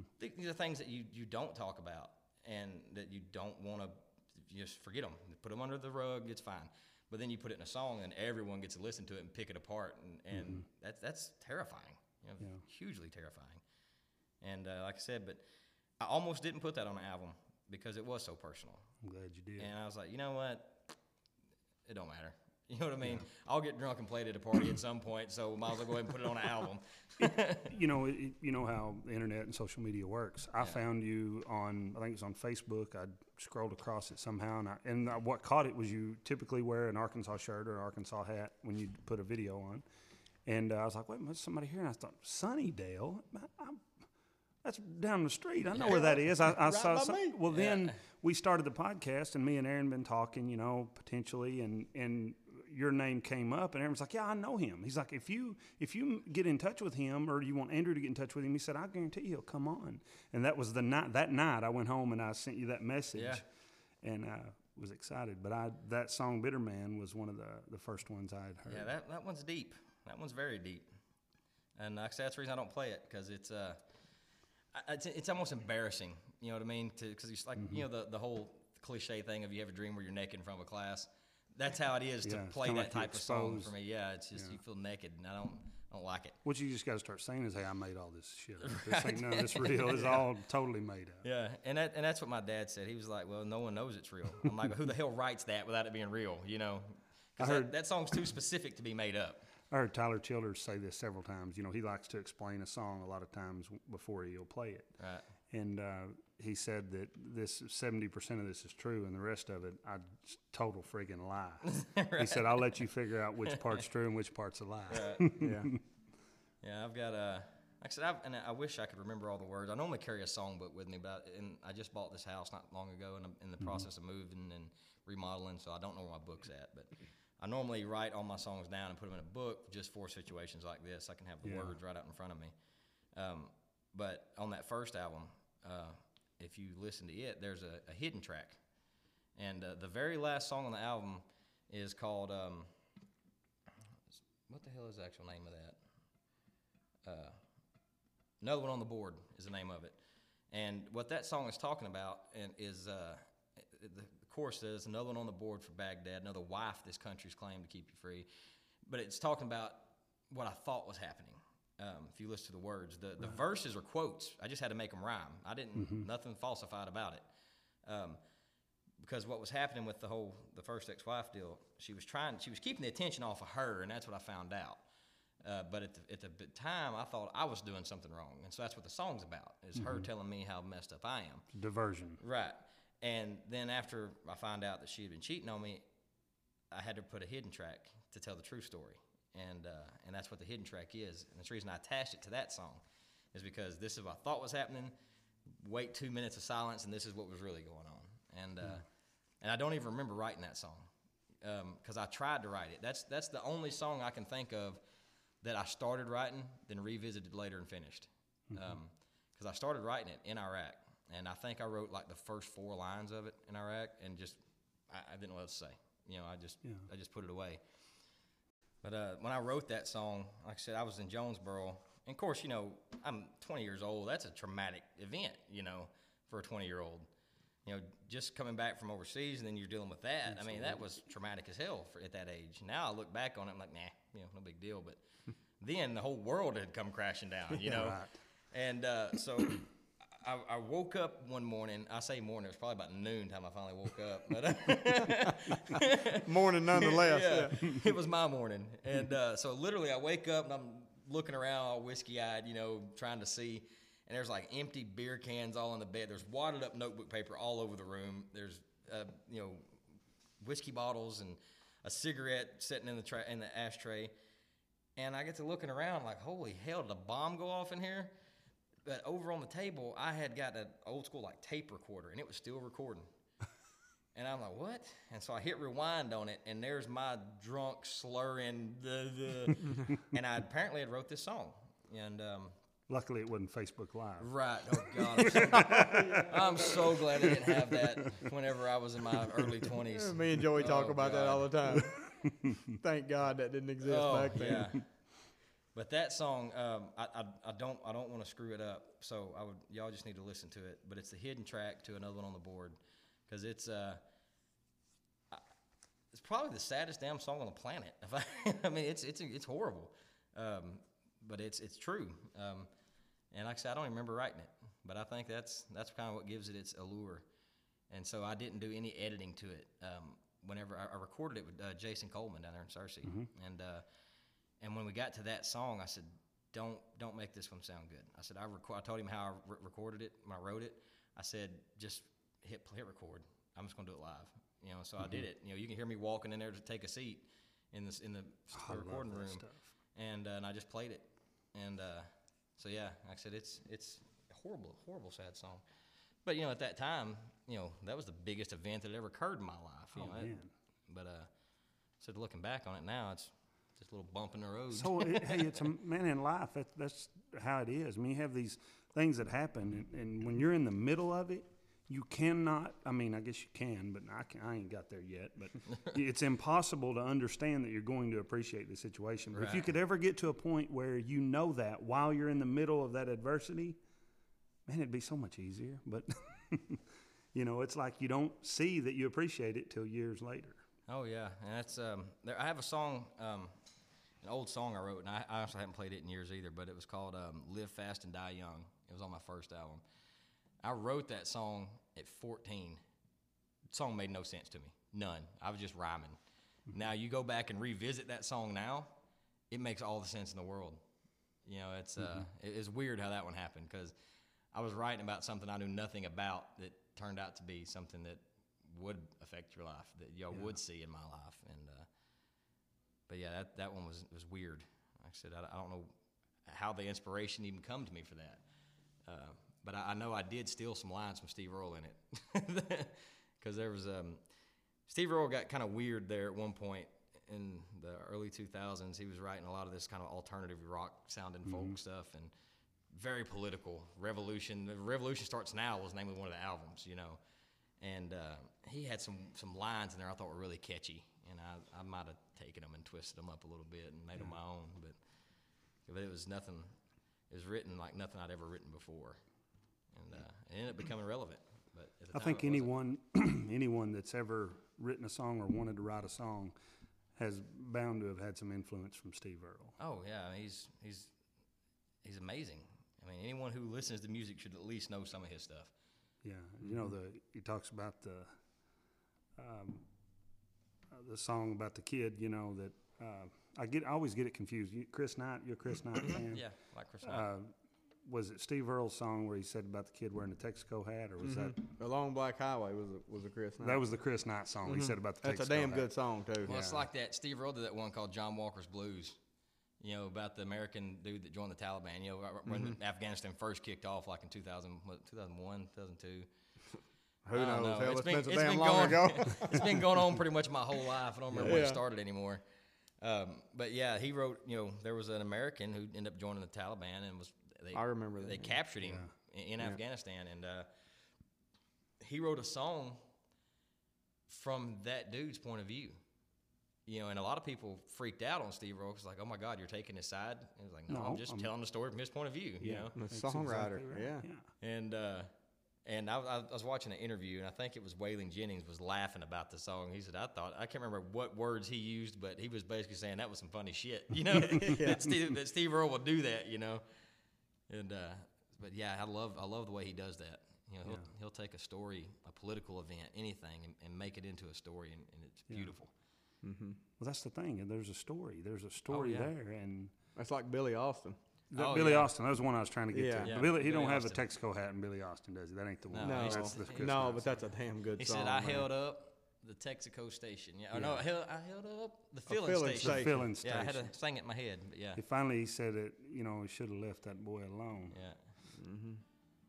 But But yeah, Billy it's, uh, Austin's a good song. It and is and a that's a, good- that's an opposition to the death penalty song, you know, mm-hmm. and that's all uh-huh. that song's about. That's it. And because he's talking about, you know, who, He said, who "Could are you you pull to that? judge me? Can you pull you it pull yourself? the switch yourself, sir? Yeah, you know, you're you're With doing a the sure, same thing steady I did. hand. Yeah, that's right.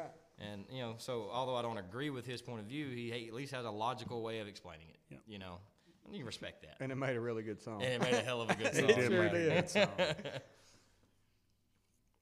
Is it? Man, I don't know. And, and Chris Knight is a huge Steve Earle fan. If you look, if you look, there's Oh, a documentary on that, him. yeah. Well, there's a documentary on him where he never thought that he could perform and play. He'd play the guitar, and he went and saw Steve Earle, and he said, "I can do that."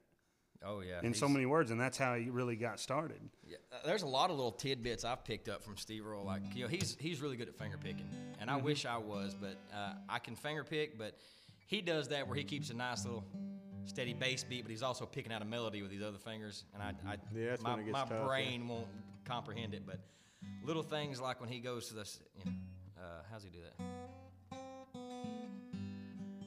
You know, I, I pick up a lot of that from him. I love that style, and um, uh, Corey Smith was another huge influence on how I play. You know, I'm listening to Steve Earle finger pick and do those little walk downs. Then you got Corey Smith, who I watched him play and listened to him, and I started this whole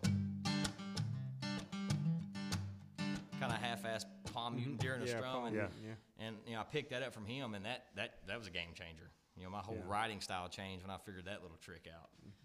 You know, because it's it changes everything with the sound. You know, where before you're just now you can make it cool.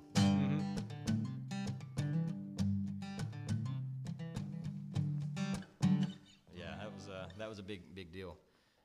You know, between the that's that's why my style is so odd, I guess, because I'm I'm doing this little shuffle that Corey Smith does, and I like the finger picking of Steve Earle, but then I also want to do some Stevie Ray Vaughan in there too. So it's it's kind of a weird combination.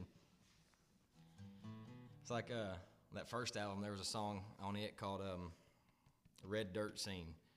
Um, you know, the red dirt music scene in Texas. Uh, I'd never heard of Red Dirt. Never even I didn't know who these people were. And uh, I Stoney LaRue. and I discovered them because I was working right in the hub. You know, I was working in a town called Vernon, which was 50 miles from Wichita Falls, Texas, which is like Middle the heart and soul soul yeah. of red dirt music. That whole area. And- Northeast of Dallas. yes. Yeah. And, or northwest. Northwest. Yeah, over yeah, there. 'cause it's yeah, more I mean Northwest. Lawton, Yep, yeah. yep, yep, Northwest. So I'm there working a job, and I'm running around with some of these local guys, and they take me to these bars, and they have open mic nights. I start playing and singing in these red dirt bars in North Texas, and uh, you know, you heard of Johnny Cooper, uh, red dirt guy. I got to hanging out with him, and and uh, that's when I got exposed to Stoney LaRue and Casey Donahew and Chris Knight and you know all these guys, and that changed everything. You know, because I I heard a style of music that was doing what I wanted to do. You know, I wanted a, a country sounding song with great lyrics with a screaming guitar, but that that's mm-hmm. out of the mold of Nashville. You know, and but these guys in Texas were doing it. And I was like, holy shit, you can actually do that, mm-hmm. Mm-hmm. and. uh They've kind of created their own circuit. Oh, yeah. You know that they have a huge following. Yeah, like Koe Wetzel and all those guys. I mean, it's great music, and you know, and if you listen to my first album, you can tell I had been in that environment because I was trying to make myself something I necessarily wasn't. You know, because the first album is full band, drums, guitars, and and I love that sound, but it, it wasn't necessarily me. You know, a lot of people who had heard me play my whole life said, you know, the album's great, we like it, whatever, but it's not you. You know, we're used to bowing a guitar. So when I made the second album, I kind of went back to my roots, so to speak, and, and it's a largely acoustic album. And uh, you know, I played the guitar on it, I played the mandolin on it, I played the I was, fiddle I was about to ask you that. Yeah, and so, So you played the mandolin on that? Mm-hmm. yeah, That's awesome. I, and I tell people I can play a fiddle, but I really can't. I can play enough to figure out a little riff and put it in the background, you know. But uh, fiddle's by far the hardest thing I've ever picked up and tried to play. Hey, same here. If you can play a fiddle, son, you can play anything. Well, you know, the It's hard book. to play anything without frets, man. Yeah, well, the, you know, I the, the advantage is the fingering's identical to a mandolin. You know, they're the same.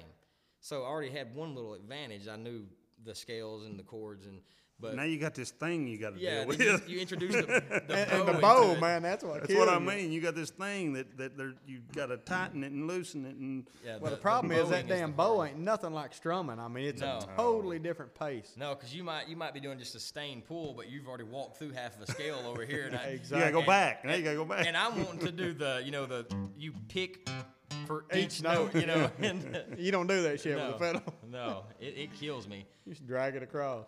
But it's it's beautiful, and I you know, do you know what the diff- what the actual difference is between a fiddle and a violin? Yes, a violin is the name of the instrument, and to fiddle was a style of playing a violin. Well, but there's a more technical difference, A uh, violin has strings, and a fiddle's got strings. So I was being way too nerdy with my answer, wasn't I? Yeah. I didn't understand what you was talking technical, about. yeah. But he knows what a string is. yeah, I, I feel like a geek because I was all being all technical. Like, yes, you know, fiddling is a style of playing, and it has been adopted as a colloquialism to describe the instrument. there you go. I'm a Alright. geek. I'm gonna pause. You're just the too damn smart. That's all it is. yeah. I'm gonna pause the recording. We can stop here for a minute. They do the Pledge of Allegiance, and they've got a flagpole out in front of the place there, and the flag's up in the air. You know what I mean? It's just breaking day, and and they do the Pledge of Allegiance, and they and they play the Star Spangled Banner. And I mean, literally, man, I sat there, tears run down my face. Hmm. You know what I mean? It was just something about that. I don't know if it was the moment, just the the, the time of day. I don't know. The maybe the kids being out there. The something about it. It was just emotional for me. But I'm patriotic. You know what I mean? I'm a patriotic guy. I love my country. Well, that uh, I don't I don't love everything about it, but having your daughter But- there, having your daughter there shooting, probably helped a little. oh, that was a lot of it. Yeah, as a special thing. there ain't no doubt about it. Just seeing kids get involved in stuff like that, you know what I mean? It's a neat deal. It was a lot of fun. We're, oh, we're back recording. We're recording. Oh, I, wi- I was. I thought Aaron was about to shed a tear there. I don't want to miss it. I thought I better start recording. we um, like we've talked about earlier. My, my family's really, really musical, and uh, you know, our get-togethers are they're, they're more concerts really, you know, than they are anything else. You That's th- freaking awesome, man. You gotta love it. You gotta look forward to that every I do. time. You know, and, and all my family works on the road. You know, my dad, you know, we're all in, in construction, so we travel all over, and uh, we don't get to see each other much. And but when we do get together, it's a bonfire, four cases of beer, and guitars everywhere. You know, that's that's our family get-togethers. And and um, I wrote a song a while back that's kind of kind of become our little family song. It's called "Ride the River," and uh, the story on it is uh, I like to read. You know, I've got a small library in my house, and uh, I read a book by Louis L'Amour. He has a, a series called the Sackett series, and there are several books in the Sackett series, but it's about a family. And um, one of the last books of the, the series that I've read, it's called Ride the River. And the general gist of the story is there's this this girl in East Tennessee um, who gets a letter from up in Philadelphia that she's inherited some money. So she leaves the mountains, goes up to the big city to get her money. On her way back, he's, these uh, northern criminals decide, well, we're going to follow this little country ass, kill her, and take her money.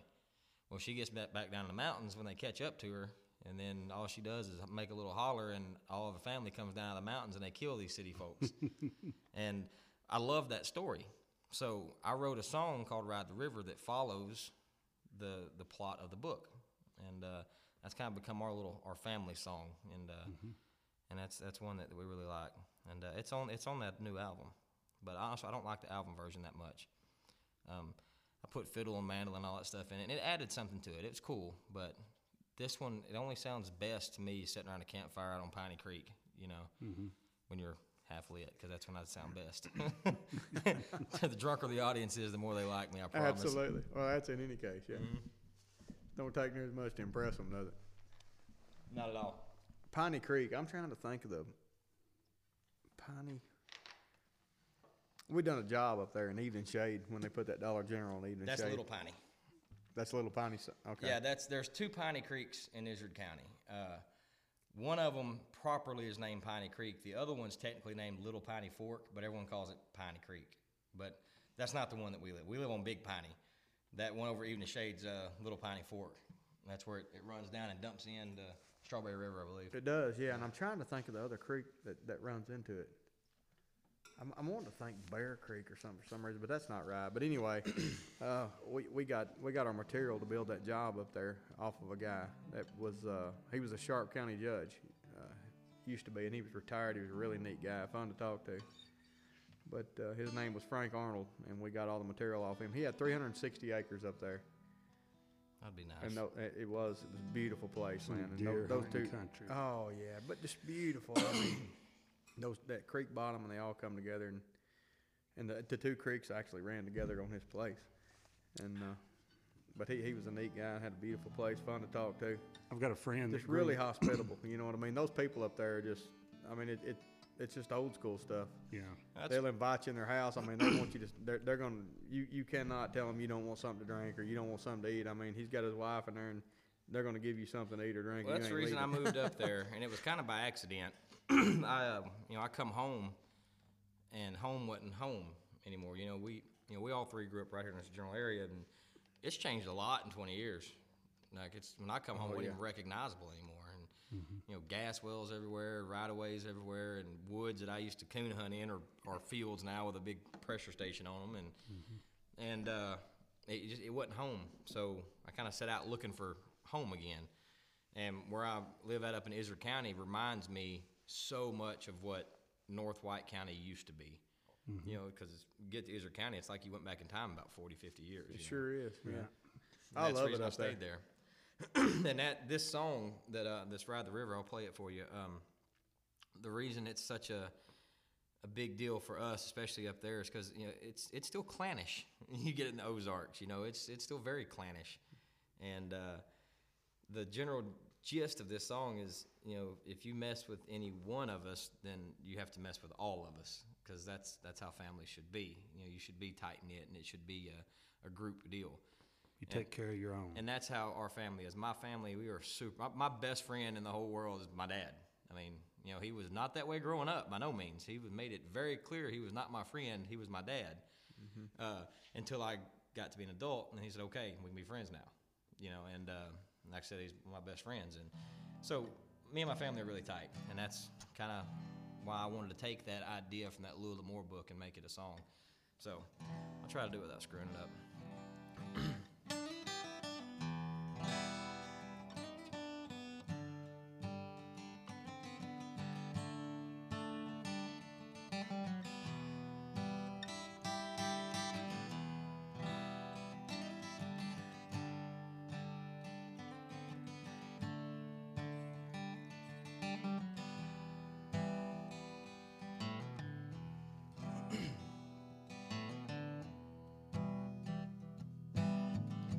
A letter came from Philadelphia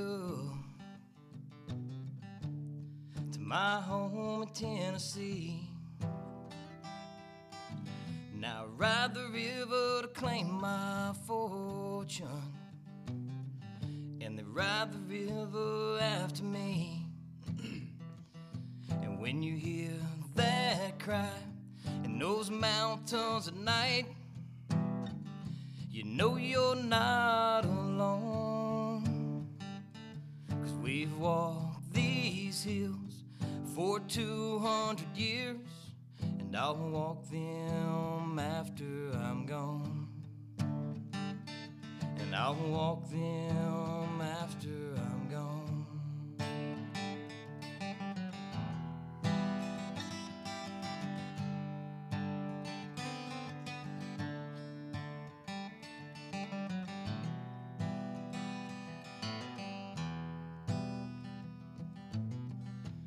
caught me on that Clinch River. They had my back against a wall. We made our stand by that water. Cause if you cross one, you fight us all. But when you hear that cry in those mountains at night, you know you're not alone. We've walked these hills for 200 years, and I'll walk them after I'm gone. and I'll walk them after I'm gone.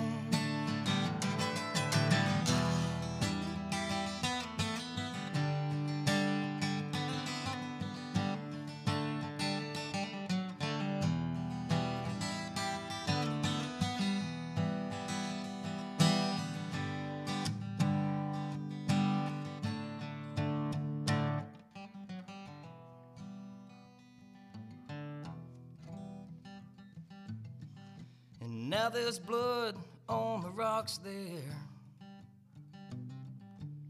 And And there's a whisper in the trees. Yeah, many a man, he died there, sure. But not one of them was me. When you hear that cry in those mountains at night, you know you're not alone.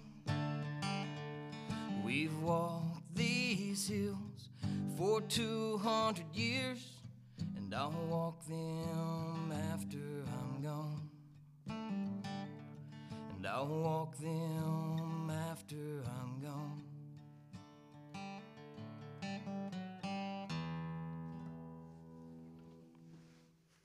Good stuff. I'm going to tell you, and I, and I say this all the time about, and it's the whole idea of this podcast. What you told leading up to playing that changed it Right. for me. You know what I mean? Where had I just heard that song, you know, I mean, I would have had to listen a few times to be like, oh wait, that's you know, I mean, I, but hearing that story, man, when you get the story about the song and how you wrote it and what it meant to you, it changes everything to me. Well, the uh, the Sacketts, you know, in the in the books, that's how they are. I mean, they're this clannish backwood Appalachian family, and they're they're real close knit, and uh, you know, and and even actually historically, the the tale of the Sacketts parallels the tale of the Ashmores. You know, where they migrated through Tennessee and, and Virginia. Mm-hmm. I mean, it's almost like we're parallels. You know, it's like we're kind of the real Sacketts, so to speak, if you look at the actual history of it. And uh, Have you seen Have you seen this new TV show called The Outsiders? I've heard of it. I've watched the whole thing on Netflix or where it was. Have you seen it? No. And it's about these uh, this family that they're in Kentucky and they live up on the mountain and the people down in the town don't really allow them to come in town but the people from town know better than to go up on the mountain Right. It's segregated pretty much. yeah they've had these clashes before and they have what they call a Bren'in a Bren'in is the leader of their you know of their group the Bren'in. Mm-hmm. They go to the brennan. It may be a woman or a man or it's different you know it's kind of handed down. But it reminded me of that. I mean it's their their way of living. You don't come up on their mountain. And a few times the law have made their way up there and these like big spiritual events have happened that people have claimed that you know something outside of just those people living on the mountain helped them win the little fight or battle or whatever they had. But it reminded me of that if you get a chance to watch that it's the outsiders I'm, it's I'm not really huge on show. TV. Um, every now and again, I watch something. Like I made a mistake recently by watching Game of Thrones. I And haven't watched that, but I've heard that. I've never watched it either. it, well, see, I'd avoided it because you know there's so many seasons, like nine seasons already, and uh, and I, I was like six seasons behind, and my dad's like, "You got to watch Game of Thrones." so it's you've so been good." binge watching? So I finally broke Three down o'clock and in the watched morning, one, one more. episode, and I've literally watched eight seasons within a two week period. I just watched it nonstop. Nonstop. And what pissed me off is now I got to wait a whole nother year for the next season to come out. Mm-hmm. That's what I, I got caught up in The Walking Dead. I mean, I totally got caught on that. And it's like at three o'clock in the morning, you're like, okay, just one more episode. Yeah, I'm just gonna watch go one to more, sleep. and then I'm going to sleep.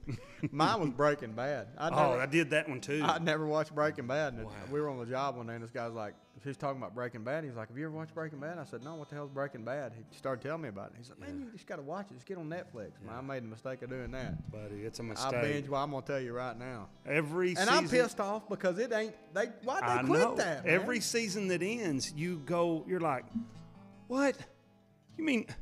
Yeah, It just and- ended right there. And we're talking about songwriters. but hey, and and you take the talent of those guys that write those shows, the imagination it takes to put that stuff together and write those shit. It's amazing. Well, in Game of Thrones, the one rule of Game of Thrones is do not get attached to any character.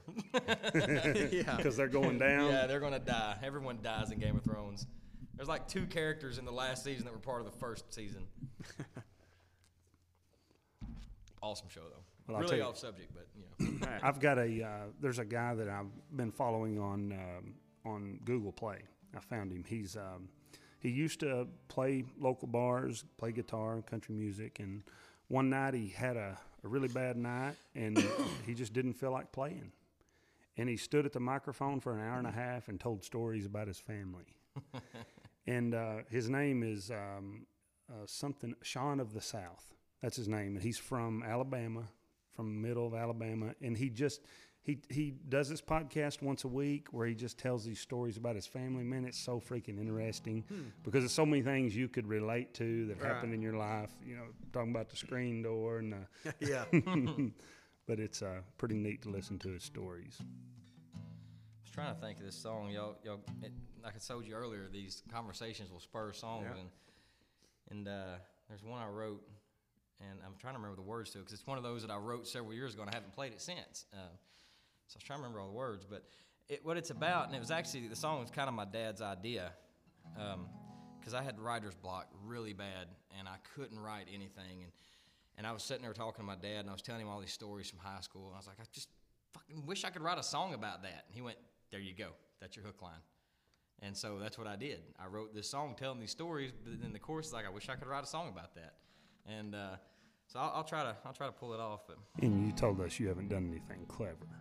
uh, well, Yeah. that was my dad's idea, and he's probably going to shit a brick when he sees I actually gave him credit for that because I never do. I'm like, oh yeah, this is some shit I come up with. Yeah. Robbie Ashmore had nothing to do with this song. See, if we were doing this on video, we'd roll the credits. Right. everything. yeah. But exactly. I did find out recently there's a song, another one of mine that I really dig um, called Hometown Boys. And I'll play it after this one. Um, uh, it's just about growing up in Arkansas. I mean, it's one of those. It, it- you Sound like a good one to me. it's it's it's catchy. Gotta be good. It's one of those that I think, obviously not me because I'm not the, your pretty boy pop country guy, uh, but someone that was, th- this would- this would probably work for him. One of those type of songs because it's kind of it's upbeat, you know, it's it's catchy, and uh, problem is it uses the word Arkansas, so that kind of limits your market to some degree. But uh, oh well, hell with them. Anyway, I'll try to do this one. Uh, At least you know good people be buying it anyway. you know? Right. it's called uh, uh, wrote a song about that. So.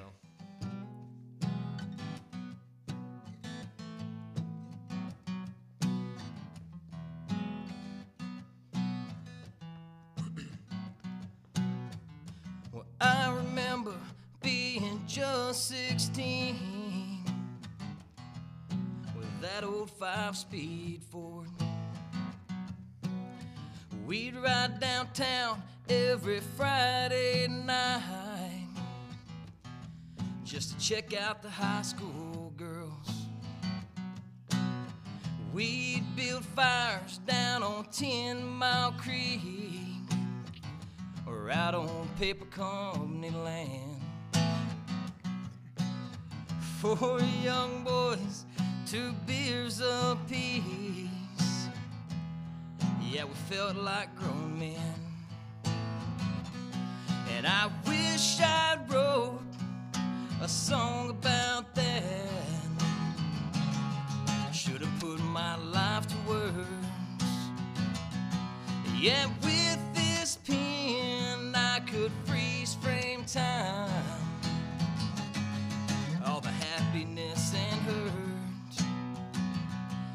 Those days are gone, and when I look, I look back, I just have to laugh. And wish I'd wrote a song about that.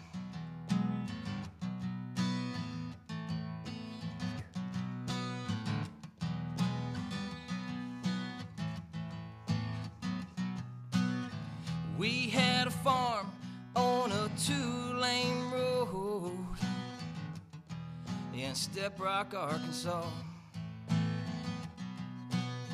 We cut our teeth on squalling tires, then running when the cops got called. And that summer, I bet we put two million miles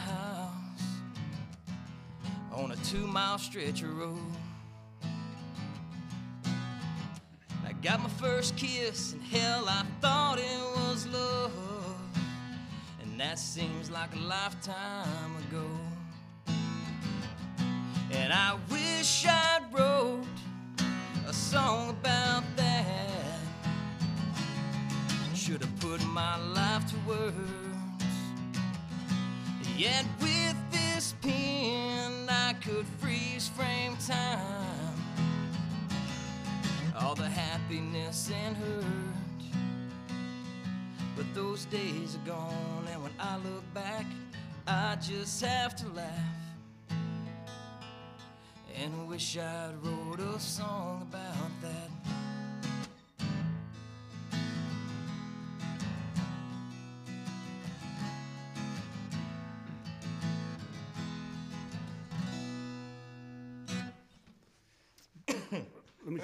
Me tell, Let me tell you what.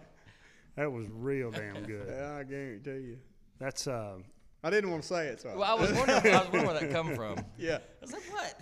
Did I, did I mess up? that was No, good. it was good stuff. That was man. good stuff, man. Real good. Yeah. Well, I figured y'all would like it. Talking about Ten Mile Creek. and Oh, Paper I guarantee you. know that hey, that buddy. hits home. Maybe it was real good to us. Yeah. That's right. Yeah. Well, you know, paper. Cup, You can't even go on it no more. no, you I hear. can't. Yeah. No, I think Go, they- we used to go back here to F hole and all that and Flat Rock and get Oh, yeah. wasted. Yeah. Man, I'll tell you, they, uh, not to kill the mood here, but they just found a girl that was killed uh, right there at Hiram Bluff. They found her. They found her car somewhere else. I forget what Like name murdered, was. Yeah, murdered. No found her. shit. Yeah. Well, they hadn't said if she shot her. There was somebody was saying she may have shot herself. Somebody may have shot her, but they found her there on uh, just Like off, off the bluff, or No, down. I, the way I understood it, down that little road. yeah. Huh. Yeah, that's another I didn't we used to hear about that. Yeah, I just saw it on Facebook, man. You ain't on Facebook, you wouldn't know. it. Yeah, Harm yeah, I ain't got Facebook. I ain't heard. I I, ain't stay heard way behind on in a long time. I ain't heard those two words together in a long time. Bluff. Hiram Bluff, baby. I drive by it all the time. Because the guy I grew up with, he was my neighbor across the street up there at Holly. Holly Springs is actually where I lived. Um, uh, but Holly Springs, Arkansas, didn't flow as smooth as Step Rock did in that song. So anyway, well, hell, it wasn't but a mile down the road. They all run together. But oh, uh, Kyle Baker was his name, and uh, and he his grandpa lived over at McJester. So I was I used to run up and down that holler all the time. Big Creek's down in that bottom, right? Yeah. Creek. We used to run around down there a lot. That's a nice area right there yeah, too. that's beautiful. Yes, it is. Yeah, I used to. That was one of the spots I used to always take girls because it was secluded. that mm. that and right there on 124 under the Little Red River Bridge. yeah, there you go. if you if you want to list names, I mean, we'll get them edited No, no, out. no, Yeah, no, no, no, no, no. They're all married and stuff now, and they follow me on Facebook. I just need to leave it alone. Yeah, there you go. You've Probably a said lot too safer. much. Yeah, already, yeah, you're in too deep now. Oh, I got a really funny story about that that I'm not putting on this podcast. So whenever we cut the recording, I'll, Yeah. I'll tell it to you. Yeah, we'd like to hear it. Oh, it, it's really funny. Let's just say it involves chicken houses. Oh, Because that was another one of my hiding spots. Because you couldn't see that from the house, you know. I'd go park around back them chicken houses. Mm-hmm. Yeah, Shit. love it when them fans kick on. That Oh, smells awesome, man. yeah, yeah. So I'll, I'll tell that story after the recording. So I'm not going to give everything away. But um, the other song, uh, "Hometown Boys." Um, can't remember what key I do it in. Let's try G sharp. Uh, I wrote this one in Oklahoma. I was in working a job in uh, Fort Gibson, which is right outside Muskogee. And uh, but who the hell wants to stay in Muskogee, Oklahoma? Um, I'm gonna tell you right now, that song is full of shit. You ever actually been to Muskogee? Because I was all excited. I was going to my first job in, in Muskogee, Oklahoma. I had that song on the radio. I was like, Place "Hell where yeah." the squares can have a ball. And I pulled up there, and there was a shooting at the mall. Like within ten minutes, I got there. So Hell, they don't smoke marijuana there. What's going on? So uh, I'm in Muskogee uh, working this job, and um, and I was trying to write because this is like in 2009 when I was really, really, really serious about wanting to do music. And um, so I wrote this song about growing up in Arkansas. I mean, uh, and what spurred it, what gave me the idea was I'd put on my fan page I have on Facebook. Um, you know, I need an idea for a song. Somebody tell me something. Give me an idea. Tell me a story. And Zach Miller, guy I went to school with, commented on it and said, "Write a song about us hometown boys." So the name of the song is Hometown Boys. And uh, so this is what came out of that.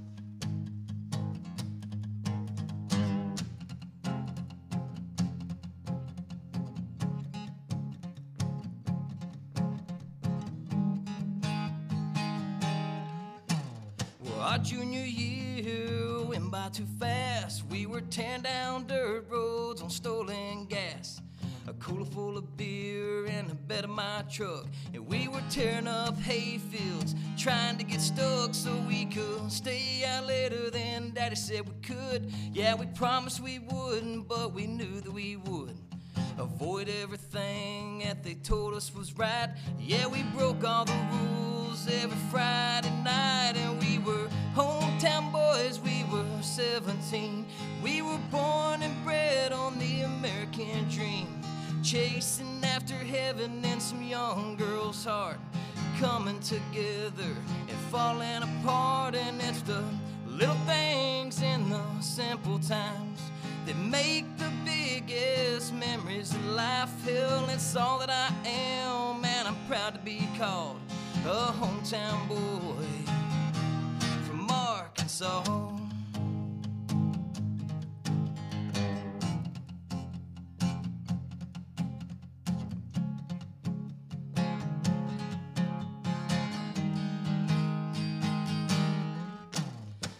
Summertime came, there was work to be done. Hauling hay, fixing fences in the July sun.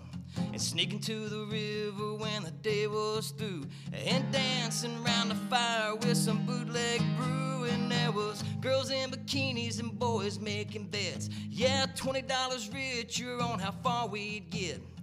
Hiding in the shadows in the woods by the car. Yeah, I learned a lot down on that sandbar. And we were hometown boys, we were 17.